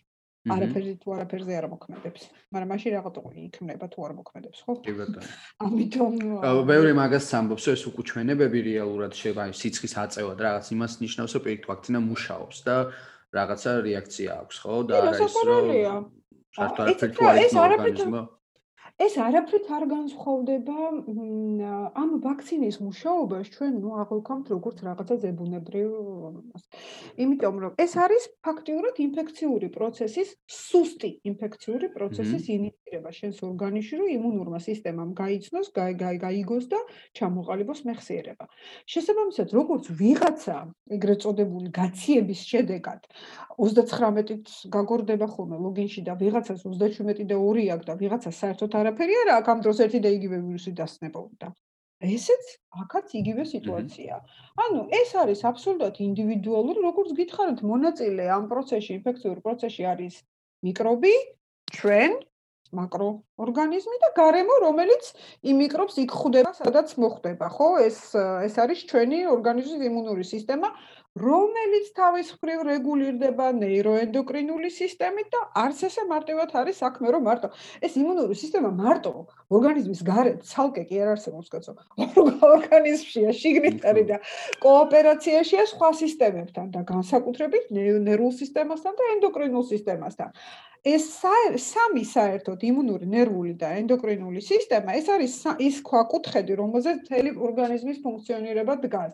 და შესაბამისად, ერთ-ერთი თუ გამოვიდა წყობრიდან, ის აუცილებლად მეორე და მესამეს შეეხება. სულ ერთია, რომელიც გამოვა წყობრიდან. ასე რომ, ასე ეს ასე მარტივად არ არის, რომ აი, მარტო იმუნიტეტ შეეხო, იქ რაღაც ანტისხეული გამოამშავა, ის გამოვარდა, ამას დააჭდა, დაბლოკა, ესქნა, ისქნა. ეს თელ კასკადს მოიცავს. და თან რამდენიმე სისტემის ჩართულობას და უპირველეს ყოვლისა იმუნური და მეორე ეტაპზე მოდის ნერვული და ენდოკრინული აა სისტემა. გართულებები შეიძლება გამოიწვიოს ყველა მიმართულებით, აა მაგრამ ნუ ის რაც აღწერილი იყო ამ ეტაპზე, ეს იყო ძირითადად კოაგულო კოაგულაციის პროცესის დარღვევები, ანუ აი ეს თრომბოზების თითქოს რაღაც მიდრეკილება, თრომ წანკრახელი თრომბების განვითარების შესაძლებლობას და ალერგიულ რეაქციებს. ალერგიულ რეაქციებში არაფერი არ არის ახალი რა. ძალიან ბევრი ვაქცინა იწვევს ალერგიულ რეაქციებს და ბავშვებსაც როცრიან ხოლმე ხანდახან თუ ვიცით ხო ალერგიული რაღაც რეაქციები აქვთ ხოლმე ბავშვებს წინასწარ მიყავთ ექიმთან უტარებენ აი ხსნიან ამ ალერგიულ ფონს ანტიჰისტამინურ პრეპარატებს უნიშნავენ მერეც რიან იგივე შესაძლებელია აქაც გაიაროთ ოჯახის ექიმთან ან ექიმთან კონსულტაცია და მოიხსნას რა შეეხება შედედების რაღაცა სისტემის ცოტა მორღვევას ესე შეიძლება პრევენცირებული იქნას თუ კი აცრამდე გაიკეთ გაიკეთებს ორგანიზმი ასაცრელი პირი სრულ კოაგულოგრამას თავისი იაენერით, დედიმერით და ასე შემდეგ და ნახავს რა სიტუაციაა ორგანიზმში და თუ ექიმა ნახა რომ რაღაცა სახიფათო ფონია, თუ გასცემს რეკომენდაციას რომ არა იცრას ამ ამ ეტაპზე და გადავიდეს რა წაიმკურნალოს და მე აიცრას. როგორც გითხარით, არ არსებობს 100%-იანი გარანტია რომ უი არაფერი არ მოხდება. ინდივიდუალურია ეს ყველაფერი, როგორც ჩვეულებრივ ინფექციურ პროცესში. ვიღაცასთან რთულად მიდის, ვიღაცასთან იოლად მიდის, ვიღაცასთან საერთოდ უსიმპტომოდ მიდის. ე ანუ მე რის რის თქმა მინდა იცით, რომ ინდივიდუალურია ეს ყველაფერი. ჩვენ ვერ განვაზოგადებთ ერთ ან ორ შემთხვევას ყველას და ვერ ვიტყვით, ეს ესე ხდება. სტატისტიკა დაავადების დაავადების მიმდინარეობის შესაძლო გართულებების შესაძლო გამოსავლიანობის შედეგად სამეცნიერო პუბლიკაციებში და ანალიზში იმიტომ იდება რომ იმან გაჩვენოს სრული სურათი. ამ შემთხვევაში იმ შემთხვევაში ამდენი ამდენი ამდენი ამდენი ამდენი პროცენტით ასე გადაიხარა ასე გადმოიხარა. ეს არის ჩვეულებრივი კვლევის საგანი. და არაფერი ამაში ახალი არ არის რომ ვიღაცასთან ერთი სახით მიდის ვიღაცასთან მეორე სახით კი ბატონო. ინდი ეს ზუსტად მიდის იქამდე რაც თქვი მესამე მომქმედი პირი ინფექციურ პროცესში არის გარემო. ჩემი შიდა გარემო, რა დახვდება იმ მიკრობს შევჩემდა რომ მოხდება. ასე და ეს განაპირობებს ძალიან ბევრ რაღაცას, ასე რომ ან ვერაფერს ვერ მიზამთ მან. ან ჯობია თქვენ როგორ ფიქრობთ, მაინც? აი სმენელს რომელსაც აი გვისმენს და აინტერესებს აპირებს სიტუაციაზე აცრას, ხო?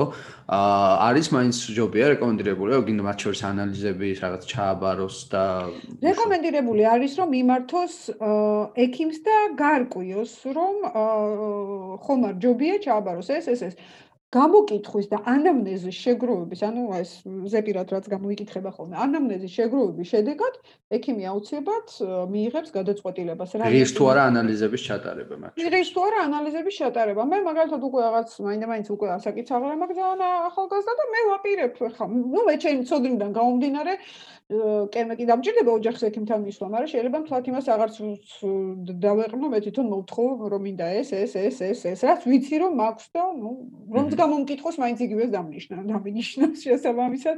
პირდაპირ შემილია უთხრა, რომ ეს მინდა, ეს მინდა, ეს მინდა, ეს მინდა და ნუ მე ავიცრა. აჰა. გასაგებია. მაგრამ 10 წლის გარეშე ნამდვილად არ არ არ არის არ მურჩევ დარჩენას. ხო, აი აი 10 წლის გარეშეზეც მინდა აი რაღაც ნელა შეგვიძლია ალბათ ასრულსკენ წავით, მაგრამ მინდა რომ ვისაუბროთ აი 10 წლის გარეშეზეც, იმიტომ რომ არის ისეთი არგუმენტი, ასევე რომ მაგალითად გაქრა სხვადასხვა ვირუსები, რომლებიც მაშინ არ იყო საერთოდ აცრა და ესენი გაქრა და იგივე არგუმენტია, რომ არ გვინდა მოდი ეს აცრა და ესე რომ თავისით გაქრება. და მოყავთ ხოლმე მაგალითად მათ შორის ის ისპანკა, რომელიც უკვე ვახსენეთ და არის დაკავშირებული იმასთან, რომ აი ის უკვე გაქრა და რაღაცა. თუმცა მანდ ხა ჩემი ცოდნით რაც არის არის რომ ისპანკა უფრო ძლიერი იყო და შესაბამისად ორგანიზმი უფრო გამოიმუშავებდა ანტისხეულებს და ამან ამიტომ შეწყვიტა. რაც სიტყვაზე კორონას შემთხვევაში ხდება, რომ გამეორებაც ხდება ხო ხშირად და აი ეს არის საინტერესო კიდე რითი შეგვიძლია ხო ეს განსხვავება და რამდენად შეუძლიათ იმ ადამიანებს ვისაც გონიათ რომ აცრა არ არის ისე დამთავრდება კორონა რამდენად შეუძლიათ იყოს შვიდად მე მგონია რომ არ უნდა იყოს შვიდად აა კორონა როდის დამთავრდება იცით როდესაც იმუნური ფენა შეიქმნება? ო ის თავისით ეს ვირუსი ალბათ არ დამთავრდება ხო? ანუ სხვებისგან განსხვავებით მაგრამ არა არა არა არც სხვები არ არსებობს საერთოდ ეგეთი რაღაცა დაივიწყეთ როგორც არის მიკრობის გარდაცვალება და პანაშიდის აგე ეგეთი არ ხდება. ხო აი მაინტერესებს აი ისპანკას შემთხვევა როგორი რაღაცაა და ის რევისავთ ამას რამდენიმე ათეული მილიონი ადამიანის ცხოვრება შეიწირა დანარჩენმა რომელიც დანარჩენი გადარჩა? ვინმე მაშინ დათვალა რამდენმა მოიხადა არა რა თქმა უნდა სავარაუდოდ ყველა მოიხადა ფაქტია მაგაშია საქმე ანუ ის იმუნური ფენა შეიქმნა იმიტომაც და სხვა სხვა შანსი არ არის ამისი გესმით არ არსებობს ამისი შანსი.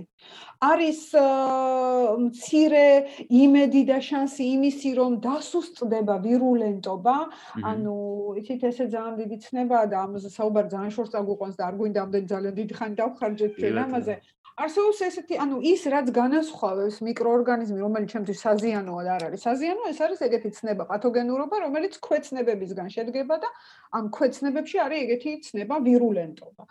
ეს ვირულენტობა არის აი ეს პათოგენურობის מחასიათებელი, ამდენად ძლიერი, ამდენად უფრო დამაზიანებელია.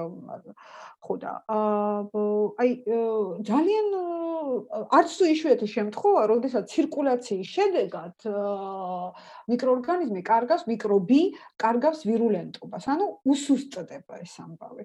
აი მარტივი მაგალითი რომ მოგიყვანო, თუ ოდესმე ყოფილა ესეთი რომ ოჯახი, ოჯახში დატრიალებულა, ასე ვთქვათ, სეზონური რომელიმე გაციება, გრიპი ან ადენოვირუსი ან ასე შემდეგ და ჯერ დამართნია ერთს, მერე მეორეს, მერე მესამეს, მერე მეოთხეს და ასე შემდეგ. ეს რასაც მე ვიტყვი, ეს არ არის აუცილებელი და 100%-იანად ესე არ ხდება, მაგრამ ხშირად ხდება ესე, რომ პირველად ვინც მოიტანა ოჯახში, ის არის ძალიან ცუდად, მე მეორეც, მესამეს, მაგრამ ბოლო ვინც დასნება უნდა და ვინც იმას იმას შედარებით იოლად აქვს ეგ საქმე. დასუსტებულია უფრო. დასუსტებულია, ხო. ეს ძალიან ხშირად ხდება და გადასარევია, როდესაც ხდება. უბრალოდ ამის გარანტია არ არსებობს, რომ ეს აუცილებლად მოხდება. არც ერთ მიკრობთან არ არსებობს. და კორონამ საერთოდ კბილები აჩვენა და დასუსტა კი არა, აგერ სამხრეთ აფრიკული შტამი და გამოუშვა, ბრიტანული გამოუშვა, გუშინ დავდე ფაუჩის ძალიან სერიოზული განცხადება, რომ ნიუ-იორკის შტამი გაჩნდა და ჯერ მხოლოდ 750 ადამიანს აქვს, მაგრამ ვაიდე და მაგით თუ გავხსევდა მოკლედ არ არის ეს ესე მარტივი გესმით ის რომ ვირუსი აუცილებლად რაც მეთხანს იცირკულირებს მით მეტ მეტ მუტანტის წარმოქმნის საშუალება ექნება. აფხებს რომ უფრო რთულში გადაიზარდოს. ხო, ისპანკაც იყო მაგალითად, რომ თავიდან იყო უფრო სუსტი და მე უცებ მეორე ტალღა რო წამოვიდა ახალგაზრდებს უფრო დაერია ეს. კი ბატონო, ანუ მე ისი თქმა მინდა რომ არის ვარიანტი რომ ამ მუტაციებმა შეიძლება დაასუსტოს, არის ვარიანტი რომ შეიძლება გააძლიეროს და თუ გააძლიეროს არ მივდივართ მე. ხო, ანუ გამოდის რომ რაღაცა უზივართ და ესე ველოდებით რომელი სამოვა. ხო, ეხლა ჩვენ ველოდებით რა ასეცით პანაშვიც როდის გადავუხდით ვირუს, როდის გარდაიცვლება რომ მე პანაშვიძე მივიდე, არ მოხდება ეგ ამბავი. ყველა ველოდებით. ეგეთი რაღაც არ მოხდება. იმუნური ფენის შექმნის გარეშე ვერავინ ვერ გარდაიცვლება. არ არ არის მიკრობებთან ეგეთი. მიკრობები არ გარდაიცვლებიან უბრალოდ. არ გარდაიცვლებიან, არა, არ გარდაიცვლებიან. ისინი სახეს იცვლიან, ფორმას იცვლიან, ვირულენტობას იცვლიან, დასუსტებიან, გაძლიერდებიან, გარდაიქმნებიან იმაში, მაგრამ გარდაცვალება მათი არ არის. ხო, არა, ძალიან დიდი საფრთხეა იმის მართლა, რომ უფრო საშიშ რაღაცაში გადაიზაროს, მათ შორის ფატალური შედეგი უფრო მაღალ პროცენტზე რო ავიდეს, ხო, შეიძლება ისეთ მუტაციას განიცავს და მე მართლა ზართული იქნება. მ იცთან და კიდე ეს ვისაუბროთ, რომ აი მუტაციებზე ვსაუბრობთ და ბანემ ესეც რო განვარცოთ, ანუ შეიძლება რამდენ ყველაფერი შეიძლება რა თქმა უნდა, მაგრამ რამდენად რეალურია, რომ ისეთი მუტაციებიც გამოჩნდა ამაზე ხშირად საუბრობენ ხოლმე, რომ ვერ მოხდეს აი არსებულმა ვაქცინებმა უკვე ვეღარ მოახდინოს ამის პრევენცია და მათ შორის მე რამდენად რეალურია, რომ სიტყვაზე მოხდეს გადაწყობა რაღაც დონეზე ამ ვაქცინებს. გადაწყობა სავსებით შესაძლებელია. ის რომ არსებულმა ვაქცინამ ვიღაცაზე ვერ იმუშაოს, მაგას მე ჯერ კიდევ წუწუნებდი. შარშან მე მგონი აპრილ-მაისში როცა ისტორიულად დაიწყო ვაქცინებზე მუშაობა და და თუ არ ვცდები, არ მახსოვს როდის იყო, მაისი იყო თუ ივნისი იყო. პირველი მუტანტები რო გამოჩნდნენ და სულ გამისკდა გული და მაშინ რაღაცა სოციალში ძალიან აბობოქრდი რომ დედა რა გვეშველება თქო რომ ვერ მოასწროს ამ ვაქცინებმა, იმიტომ რომ დიდი ვარიანტია რომ იმდენად გადახტეს საფეხურებზე, ანუ ეს მუტაციის პროცესი იმდენად სწრაფად წავიდეს, რომ საბოლოო ჯამში შენი მილიარდობით დოლარი და ევრო და ასე შემდეგ ჩაყრილი ამ ამ ამბავში ვაქცინის წარმოებაში საბოლოო ჯამში გავარტანოთ წყალს. რა გადავაქციოთ მე ეს ვაქცინა? სავსებით შესაძლებელია ეგეთი რაღაცა. ამიტომ არის, იცით, ეს ისტერია, რომელიც ვაქცინაციის პროცესთან არის, ჩქარა დაიწყებს, ჩქარა მიიყვანეთ ბოლომდე, ჩქარ დაწყება არ არის პრობლემა. ბატამ თქვა ძალიან სწორად იმნაძე დაწყებას რას უყურებ? თქვენგანაც დამთავრება შეხედე რომ დამთავრდება და რაღაცა პერიოდი მერე გავა. ანუ ვაქცინაციის დამთავრება და რაღაც პერიოდის მერე დროზე უნდა გავიდეს რომ არ მიეცეს ამას ნახტომისებური ცვალებადობის საშუალება თორე დავუყურეთ მაშინ ავიღოთ ეს რომ ძალიან ამან ძალიან იცვალო სახე.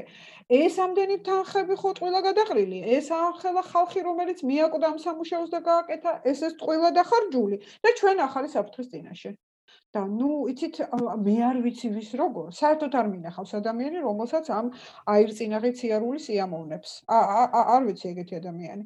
ხო და განსაკუთრებით სათვალეს ვინც ვატარებთ ჩვენთვის ძალიან რთულია ხოლმე და სულ მეორთქლება და ვერ ხარ მე ახლა მხედველი ვარ და სათვალე ლინზებში ვარ უბრალოდ ძალიან პრობლემურია ხო. ეგეც გაჟღერდა სხვათა შორის რომ შეიძლება ჩაოებრო სეზონურ დონეზე ვიცეო და სულ ცირკულირებდესო და კი ანუ შეიძლება სამუდამოდ დარჩეს ჩვენთან ერთად? არის მაგისა. კორონავირუსები, ასე ვთქვათ, გაციებების გამომწვევი, როგორც გრიპი, როგორც ის, ეხლაც არის. კი, კი, ну ადრეც იყო ხო ეს არ არის პირველი ესე თქვი, ანუ. არა, არა, იმ მე არ გულისხმობ ამ წუთას არც SARS, არც MERS, რაც ადრე ეპიდემიების სახით აფეთქდა ალაგალად. მე გულისხმობ ჩვეულებრივ კორონავირუსად, ეგრეთ წოდებულ გაციებების გამომწვევ კორონავირუსად, რომელიც სეზონურად სულ ცირკულირებდა. და ну ჩვენი ძალიან დიდი ბედნიერება იქნება, თუ ეს ვირუსიც მაგდონემდე დავიდა და იქნა ჩვეულებრივად ესე ვთქვათ გაციების გამომწვევი და არ არ იყო არ იქნა ესეთი ლეტალური და ძალიან ძიმე დაავადებების გამომწვევი და მანამდე ვაქცინა, დისტანცია და პირბადე რომ ბიოლოგიური მესერი, ანუ რაღაცა მესერი შევქნა. აი, ორი შეკითხვაც დამჭა მე და ალბათ შეგვიძლია დავასრულოთ ესე ვთქვათ. ერთი არის თუ შევხედავთ ოპტიმისტურად, ანუ და საზოგადოებაში თვით შეგნება უფრო აი წევს ნელ-ნელა და მე მგონია რომ ეს გარდაუვალია მათ შორის საქართველოსში, იმიტომ რომ აი მაგალითად ისრაელის მაგალითი რო ავიღოთ, ძალიან დიდი პროცენტი უკვე აიცრა, არა მარტო ერთით, არამედ ორი დოზით აიცრა უკვე და ბევრად გაიხსნა ქვეყანა და ჩვენ რეალურად ვართ იმის საფრთხის წინაშე კიდევ ჩავიკეტოთ, რაც მათ შორის იმ скеპტიკოსებს, რომლებიც დღეს ფიქრობენ, რომ საშიშია, ფაქტები დაანახებთ უბრალოდ, რომ სხვა ქვეყანა რო გაიხსნება და შენ რო გიმკაცრებენ ჩაკეტვებს, ну, მიხვდები, რომ უბრალოდ სხვა გამოსავალი არ არის. და აი, ავიღოთ ოპტიმისტურის და სხვადასხვა ვთქვათ, რომ აქტიურად მოხდება აცრა, რამაც საქართველოს სოფლიოს მასშტაბით. თქვენი პროგნოზი როგორია, რა თქმა უნდა, ზუსტი ამ ამაზე არ ვსვამ, რა ზუსტი პროგნოზი ვთქვათ, როგორია, რამდენ ხანს შეიძლება, რომ აი, ყოველს ეს შეკითხვას, როდის დასრულდება, აი. ეს, ანუ ჩვეულებრივ ცხოვრებას თუ არის შანსი, რომ კიდაც ერთ წელიწადში დაუბრუნდეთ ან თქვენ ჩემზე ახალგაზრდა ხართ, ჩემ დროს იყო ხოლმე ესე ძალიან სასაცილო გამონათქვამი კომუნისტურ პერიოდში, რომ ყოველას უნდა კარგად ცხოვრება, უნდა არაფერს არ უნდა ამისთვის არაფერს გაკეთებაო. ხო. და დაახლოებით ესეა. მარტო იმას როდის დამთავრდება კაცო ეს გეგონება ის იყოს რაღაცა და შენ არაფერი არ გააკეთებ იმისაც ეს ხათაშა ეს ერთ-ერთი ის არის, რა ქვია, ცნობადი სახე შეიძლება ითქვას, გამოვიდა და ეს ვიდეო ჩაწერა, სადაც ამბობდა, რომ არავინ არ უნდა აიცრათო და პარალელურად ამას ამატებდა და არანაირი მესამე ტალღა არ იქნება, თან ესე ამბობდა რა და ზანუცნაური. იცი რა შეასაქმე? მე მარტივ რამეს გეტყვით, რაც ასევე დაავადებათა კონტროლის ეროვნული ცენტრისთვის ძალიან კარგად ნაცნობი და უკვე ყველა ვიცით რა, ვინც მეტაკლება ცოტა ვერ ყვებით საკითხში, ყველა ვიცით. 300.000 არის ოფიციალურად დადასტურებული შემთხვევა. ძალიან კარგად კარგ ფრაზას იყენებს ბატონი ამირან და პატაც. ეს არის დადასტურებული შემთხვევა. ისინი არ ამბობენ COVID გადატანილი, იმიტომ რომ კაცმარცის რამდენია COVID გადატანილი. მაგაშია საქმე. ამაგისკენ მიმყავს.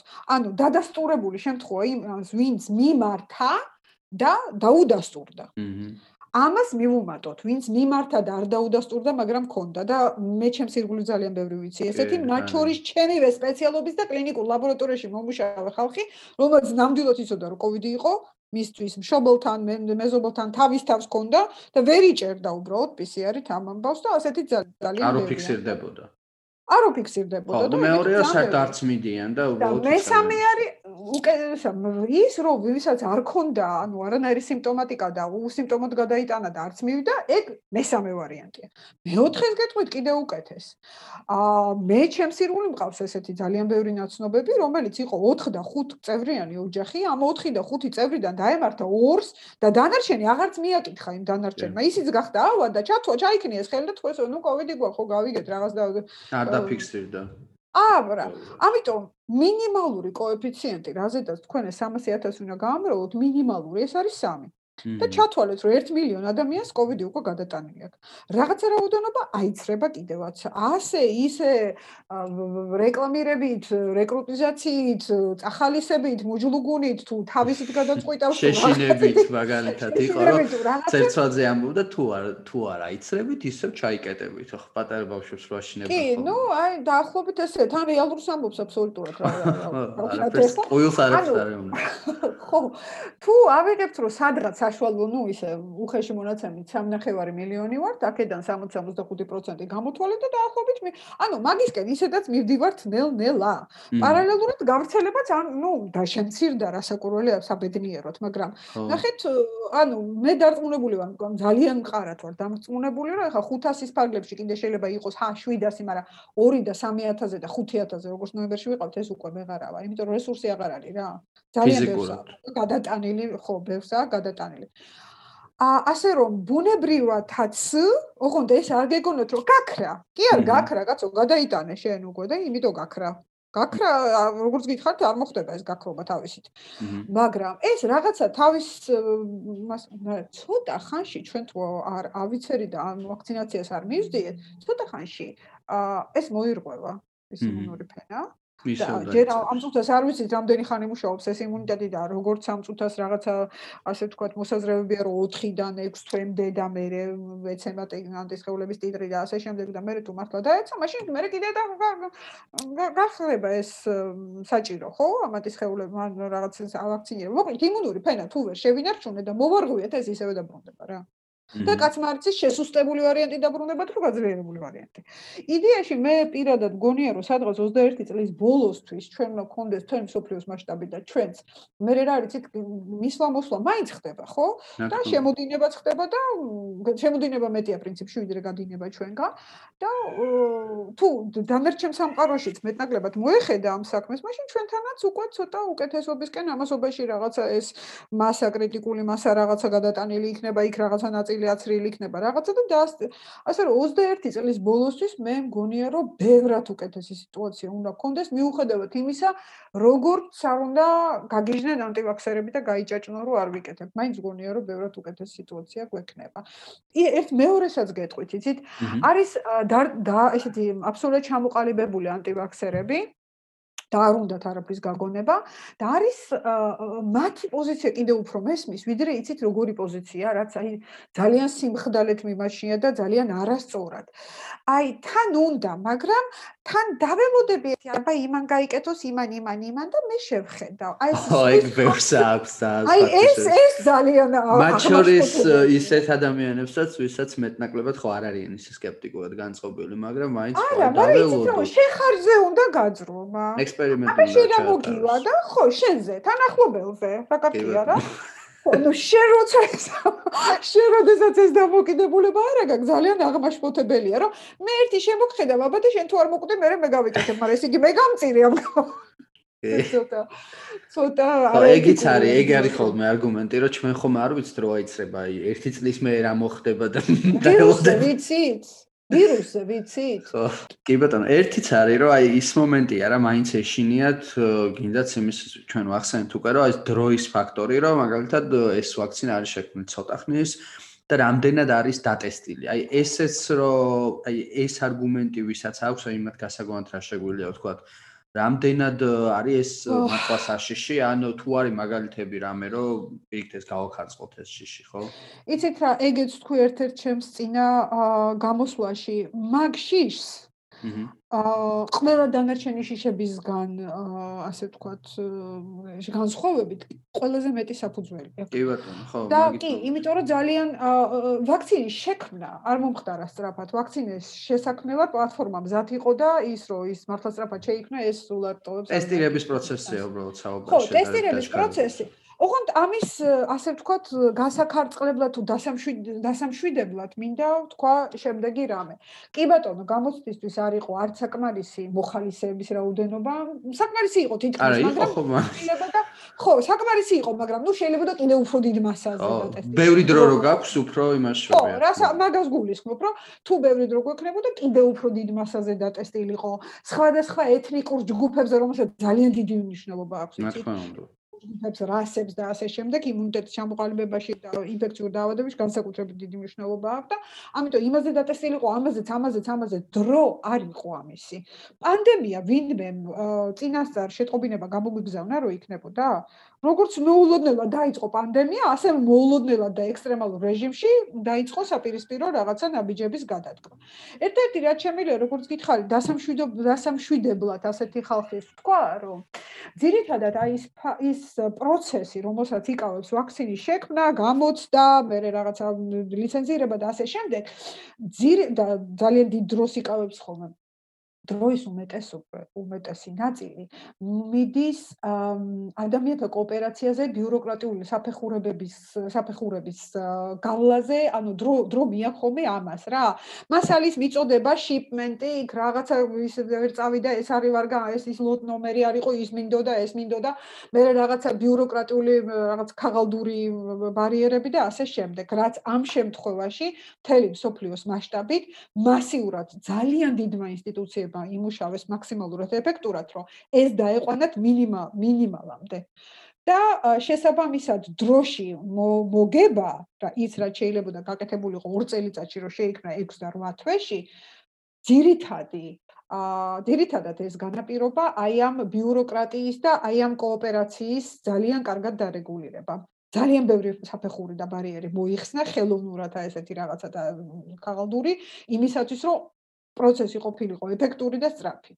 და დასამშვიდებლად დასამშვიდებლად ესეც გამოდგება, რომ იმ პერიოდისთვის, რაც ჩვენ გონია, რომ აი ვაქცინის გამოცდა იკავებს, სადღაც 60% ქაღალდური სამუშაოა. ეგ ამბავი მოიხსნა, ასე რომ შესაბამისად დაწიეთ ახლა ის დროც, რომელიც დაჭირდა ბიუროკრატია. კი, საშინელი, თან საშინელი ბიუროკრატია. რიგში ჩადგომან ლოდინი წლების მიხედვით როჯერის პრეპარატი, მერეს პრეპარატი. всё, ყველაფერი გადაიდო გვერდზე და მთელი მსოფლიო მუშაობდა ამაზე. და ნუ აი აი ამიტომაც სწრაფად. ასე რომ დასამშვიდებლად ალბათ ეს ფაქტორი. თუმცა არის პერიოდი უკვე რეალურად გასული, იმიტომ რომ აი მაგალითად რო შევადაროთ, ხო, იგივე აი მომენტს აი Pfizer-ის შემთხვევაზე რო იყო რა ბიოტექმა ანუ მე რო წამოვიკითხე ბევრად ადრეა მართლა შექმნილი და ის დრო უბრალოდ ხო, ანუ ეს დრო უბრალოდ არის საუბარი უკვე იმაზე, რომ ამდენი ხანი ეს ტესტი ხდებოდა, იმიტომ რომ ძალიან ბევრს აქვს ესეთი აღქმა, რომ აი რადგან ეხა დაიწყო ვაქცინაცია პირობითად ვამ რა რომ აი რაღაცა 2 თვის წინ შეიქმნა. ხო აი მართლა რაღაცა ეგეთ დონეზე რომ აი და გაუშვეს. ეგრევე რა რაღაცა ხო ან ეს არის საუბარი შარშანდელი და აი ხანია უკვე ეს არის რა თქმა უნდა. არა როგორც გითხარით ის კლასიკურია ეს ჩინური ვარიანტები ეს საერთოდ ისეთი კლასიკაა მეტი რო შეიძლება რა უნდა მაგის კულტივირებას მე დასუსტებას არასწორი კულტივაციით და გაშვებას როგორც ვაქცინა მაგას არ თუ დაჭირდება ხო და რაც შეეხება ახლა ის ყველაზე მოდერნიზებული ვაქცინები, აგერ ბატონო, ჯერ კიდევ რამდენიმე წლის წინ ებოლას პლატფორმა ებოლაზე იყო დატესტილი და იოლად გადა, ну, იოლად გამოიყენეს ეს უკვე ნახეს, რომ ეფექტური იყო. რაც შეეხება მესენჯერულ RNA-ს, ხო, ეს სხვა რაღაცაზე კეთდებოდა, ნელ-ნელა ვაქცინებიც მუშავდებოდა, მაგრამ სხვა რაღაცაზე მუშაობდა, სხვა რაღაცა იყო მისი მიზანი და ძალიან იოლად მერე გადაარჩენ. ამაზე თვითონ თვითონ რომ ვაქცინურ ამბავშიც კარგად მუშავარი იყვნენ ამ პლატფორმაზე. ფორმაზე. თორე ეს მართლა ვერ მოხდებოდა ორ დღეში და სამ დღეში. შექმნაზე კითხვის ნიშანი არ არის რატო შეიქმნა ესე სწრაფად. შეიქმნებოდა. აქ ლაპარაკი არის გამოცდაზე. გამოცდის მომენტის და ანუ ლიცენზიის აღების მომენტი დაჩქარდა როგორც გითხარით, სადღაც 60% მოიხსნა ყველა ტიპის ბარიერი, ყველანაირი ბიუროკრატიული, ტექნიკური, ყველაფერი და ძალიან დიდი რესურსი ჩაიყარა ხალხი და ფული, სასწაული. და ამიტომ ამ ძალიან ბევრი რაღაცა მოხსნა. სადღაც 60-65% ამანისა. ერთადერთი რაღაც შეიძლება კითხვის ნიშანი დავსვათ, რომ ეს არის გამოცდისთვის. ის კი არა რომ რაღაცა არასაკმარისი რაოდენობა იყო ხალხი. დრო იყო არასაკმარისი რომ კიდე უფრო მეტი რაოდენობა ხალხის მოცულიყო და სხვადასხვა ეთნიკურ ჯგუფებზე მერე კვლევები წასულიყო და ენახათ იმუნური მახასიათებლები. ანუ აი საწი დაიწყება იმუნური მახასიათებლების ნახვა, ხო? პარამეტრების შედარება ჯგუფებში გეოგრაფიული რა ეთნიკური რასობი რაღაცა. ეს ასე საწი მოხდება. რეალობაში ეს მანამდე ხდება ხოლმე და მერე გედება. მაგრამ ნუ ხო გითხარით ახლა ვინმე გამოგვიცხა და 2 წლით ადრე რომ ვიცით 20 20-ში მე გამოუშვებ 19-ის ნოემბერში მე გამოუშვებ როგორც სერიალის რომელიღაცა სეზონს ახლა გამოუშვებ ანონსებულს ხო არა მან დაი მეც ხშირად ხომ ხოლმე ამაზე ვსაუბრობთ რომ ეს ზოგადად ვაქცინაცია ის ხო არ არის რომ აი რაღაც ადამიანები იკრიბებიან გასართობად ეს არის აუცილებლობა და თავარი რაც არის აი არგუმენტი იყო ხოლმე რომ აი რისკები რისკები მაგრამ რისკების გადაწონვა არის ჩემი აზრით თლიანად ჩვენი არსი ადამიანის არსი ეგ არის რომ ახერხებს რისკების გადაწონის ხარჯზე რაღაცების გაკეთებას, იმიტომ რომ ყველაფერს მართლა ანუ სრული შიში დაგეუფლება რომ წარმოვიდგინოთ რომ ყოველ წამს ინდივიდუალურად ციცოცხლეს საფრთხე ემუქრება ჩვენსას და არა მარტო ჩვენსას პლანეტისას შეიძლება შემოიჭრას უცხო სხეული ასტეროიდიდან რაღაცა და დაასრულოს ანუ შეცვალოს ხო? ანუ სიცოცხლე ან მაგის თქმა მინდა რომ საჭირო არის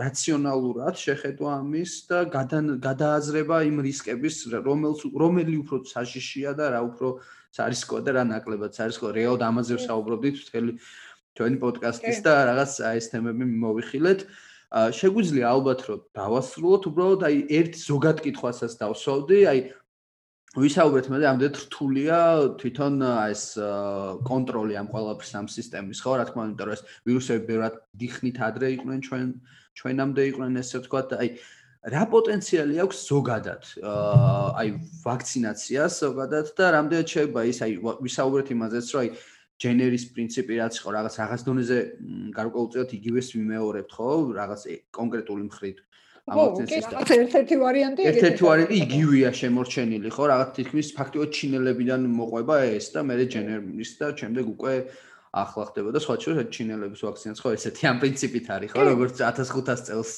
არ უღალატეს ტრადიციულად. ხო, ანუ თავის წინაფრებს პატივი მიაგეს შეიძლება ითქვას. ხო და აი თქვენ როგორ პროგნოზი გაქვთ ამ ხრივ რა არის მომავალი ვაქცინის? როგორ შეიძლება ის უფრო დაიხვეწოს? ან რამდენად შეიძლება ის რომ აი მისი მაქსიმუმი რა შეიძლება იყოს? აი რაღაც ესე რომ ვაქცინის საერთოდ თუ კორონას წინააღმდეგ? არა, არა, საერთოდ ვისაუბრებ. კი ბატონო. ვაქცინა არის ერთ-ერთი ძალიან, როგორ გითხრათ, ყველაზე ეფექტური საშუალება და არა მხოლოდ ინფექციური დაავადებების საწინააღმდეგო საბრძოლველი საშუალება. ინფექციურ დაავადებებზე გასაგებია, ჩვენ ეს ღრმა ბავშვობიდან ვიცით რაღაცაზე ვსრიდნენ, ბავშვობიდან გვატირებდნენ, მივყავდით ადგილობრივ კლინიკებში და ვიცით, რომ რაღაცაზე აქვს რესურსზე და აც რა ერქვა ამას. მაგრამ ეს იყო ყოველთვის მიმართული ინფექციური დაავადებების წინააღმდეგ, ხო? ეხლა ეს რო გავაფართოვოთ, აქ აცრის პრინციპით წეღანაც ვახსენე, სავსებით შესაძლებელია აუტოიმუნური დაავადებების კურნალობა და პროფილაქტიკა ალბათ არა, მაგრამ კურნალობა და სიმსივნის, როგორც კურნალობა, ასევე პროფილაქტიკა. და თქვენ თქვენ ექიმი არ ბრძანდებით, მაგრამ ეს ალბათ ყველა მიცის აბსოლუტურად, რომ კურნალობას ყოველთვის პროფილაქტიკა ჯობია. ანუ ჯობია დაასწრო, ვიდრე მე სამ კურნალო გაგიხდეს, ხო და მე ეს გა. ანუ პროფილაქტიკის საშუალება ის რომ ან ჩვენ რასაც ახლა ვაკეთებთ ინფექციურ დაავადებებთან მიმართებაში ვაქცინის გამოყენებით, ეს გახლავთ ინფექციური დაავადებების პროფილაქტიკა. ხო არ დაგემართოს რა. აა რაც შეეხება აუტოიმუნური დაავადებების შემთხვევაში, ეს უფრო ალბათ ამან შეიძლება მიიღოს უფრო თერაპიული ხასიათი და რაც შეეხება მალგნიზაციურ, ანუ სიმსინური სიმსინების შემთხვევაში, ამან შეიძლება მიიღოს როგორც პროფილაქტიკური, ასევე სამკურნალო ხასიათი და პროფილაქტიკა, სიმსინური დაავადების პროფილაქტიკა, გესმით თქვენ ამ ხელა რაღაცაა? რა თქმა უნდა, ну ალბათ რომ ამას ეს აირიდო თავიდან. და სწორედ სწორედ ეს მესენჯერული RNA-ები იყო გამოყენებული. ამიტომ სამკურნალოდ მაგალითად იქ რაღაც სხვა ტექნოლოგიები ან ნანოტექნოლოგიები და რაღაცები. ეს სწორედ მესენჯერული RNA მაგისტრის იქნებოდა იდეაში და უცბად მე ვაქცინების როგორც ვაქცინის პლატფორმაზე ამაზეც მუშაობდნენ, მაგრამ ძირითადად გამოყენების არსი იყო სიმპტომური დაავადებები. ამ პანდემიამ ну რუსები როგორც ამბობენ, ნიათ ხუდების დაბრა, რაღაცა, ну ძალიან ცუდი რაღაცეები იქნა. ხო, რაღაცა ძალიან ცუდი იქნა, მაგრამ რაღაცა კარგი ცხოვნა დაგვეჭირა და ძალიან წინ გადაადგმევინა ამათ ნაბიჯი იძულების წესით. და რაც თავარი ეს მარტო იძულება არ იყო.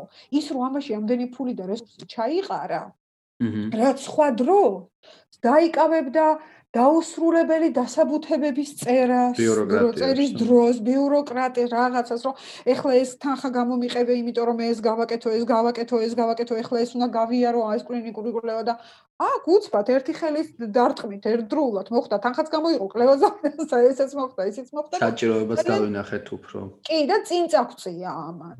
და ну კი, რამდენადაც არ უნდა იყოს რაღაცა საპროტესტო ტალღა და საპროტესტო განწყობა, მაინც უფრო წინ ვართ, ვიდრე ვიყავით ერთი წლის წინ. აჰა. ბევრი წინ ვართ. და კარგია ეს ამბავი. აჰა.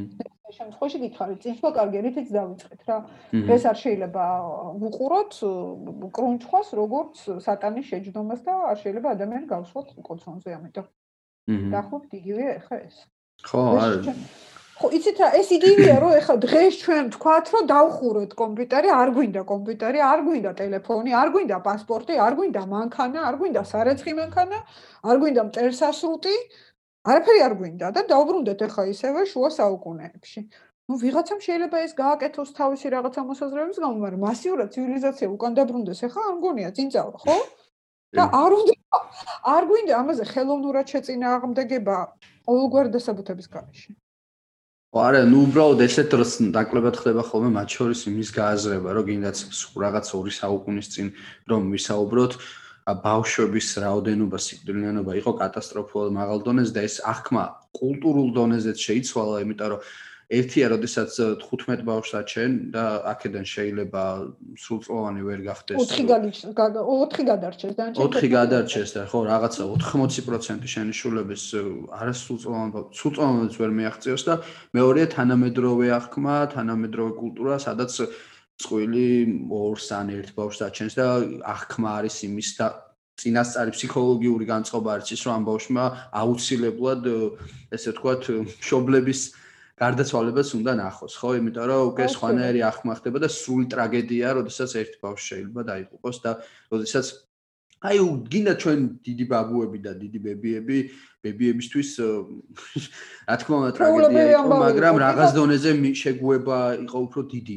და ამიტომაც თქვენ ახლა რაც ბრძანეთ ეს არის ის როგორი ანუ თქვენ მენტალური კუთხით შეხედეთ და მე ჩემს სპეციალობიდან შევხედავ. მაგ ყველაფრ გარდაცვალებაში ლომის წილი ინფექციურ დაავადებებზე მოდიოდა რომელიც ახლა აღარ არის აქ იგივე ის დიფტერია ტეტანუსი და ყივანახველა და ძალიან ბევრი რომელზეც აუცერი.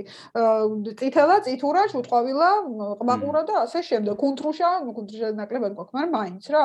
და ეს ყველაფერი უგულვეყო გადახაზრო და მაინდა-მაინც ეძახორო. ეხლა მე დავიჩიპები იმიტომ რომ ბილ გეიტსმა უნდა გამომრთოს ნუ არ შეიძლება ასე ასე ასე მიდგო. ხო და მათ შორის აი ეს მაგალითი იმიტომაც მეყერო აღქმის დონეზეც აღარ ვართ უკვე მზად ადრე თუ ანუ არა სხვა გამოსავალი არ იყო და მეტნაკლებად უფრო შეგუებული იყო სამწუხაროდ კაცობრიობა რაღაც ტრაგედიებს. ამ კუთხით ნაკლებად შეგუებული იყო მათ შორის ის ანტივაქსერებიც და ამიტომ არავის არ ურჩევდი რომ ესეთი რაღაცა არ ვეპუებით ამ ამბავს ხო. კი ბატონო. ხო უფრო და უფრო მივიწევთ იმისკენ რომ ხანგრძლივ ხანგრძლივობა იზრდება და ნუ რა ვიცი უკვე არის 1000 მეცნიერი რომელიც მათ შორის ადამიანის უკვდავებაზე ფიქრობს რაღაც დონეზე და ხო მაგრამ ეს უკვდავება სიცოცხლის ხანგრძლივობა და მხოლოდ ხანგრძლივობაში არ არის დათო საქმე იცით ეს არის ამ გახანგრძლივებული სიცოცხლის ხარისხი. აჰა და ამ ხარისხის გაუმჯობესება.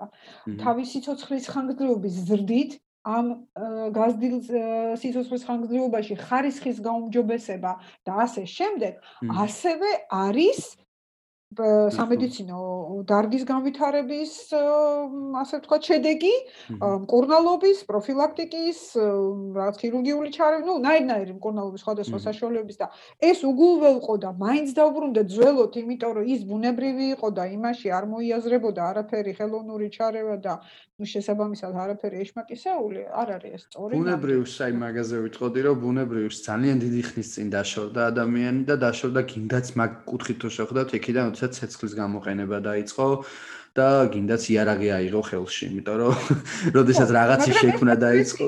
ხო, რა თქმა უნდა პროგრესი იყო და ეს არის ზუსტად რასაც მივყავართ და ამიტომ ძალიან რთულია უკან გახედვა, იმიტომ რომ მაშინ მართლა შეიძლება იქამდე დავიდეთ, რომ საერთოდ იარაღიც აღარ გქონდეს ხელში, ანუ და დავეშვათ იმ დონემდე, რომ ვოდ რასაკვებიც არის ავიღოთ და ვჭამოთ. კი ბატონო.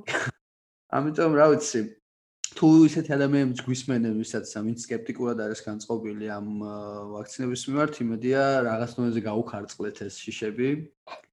და რა შევეცადეთ.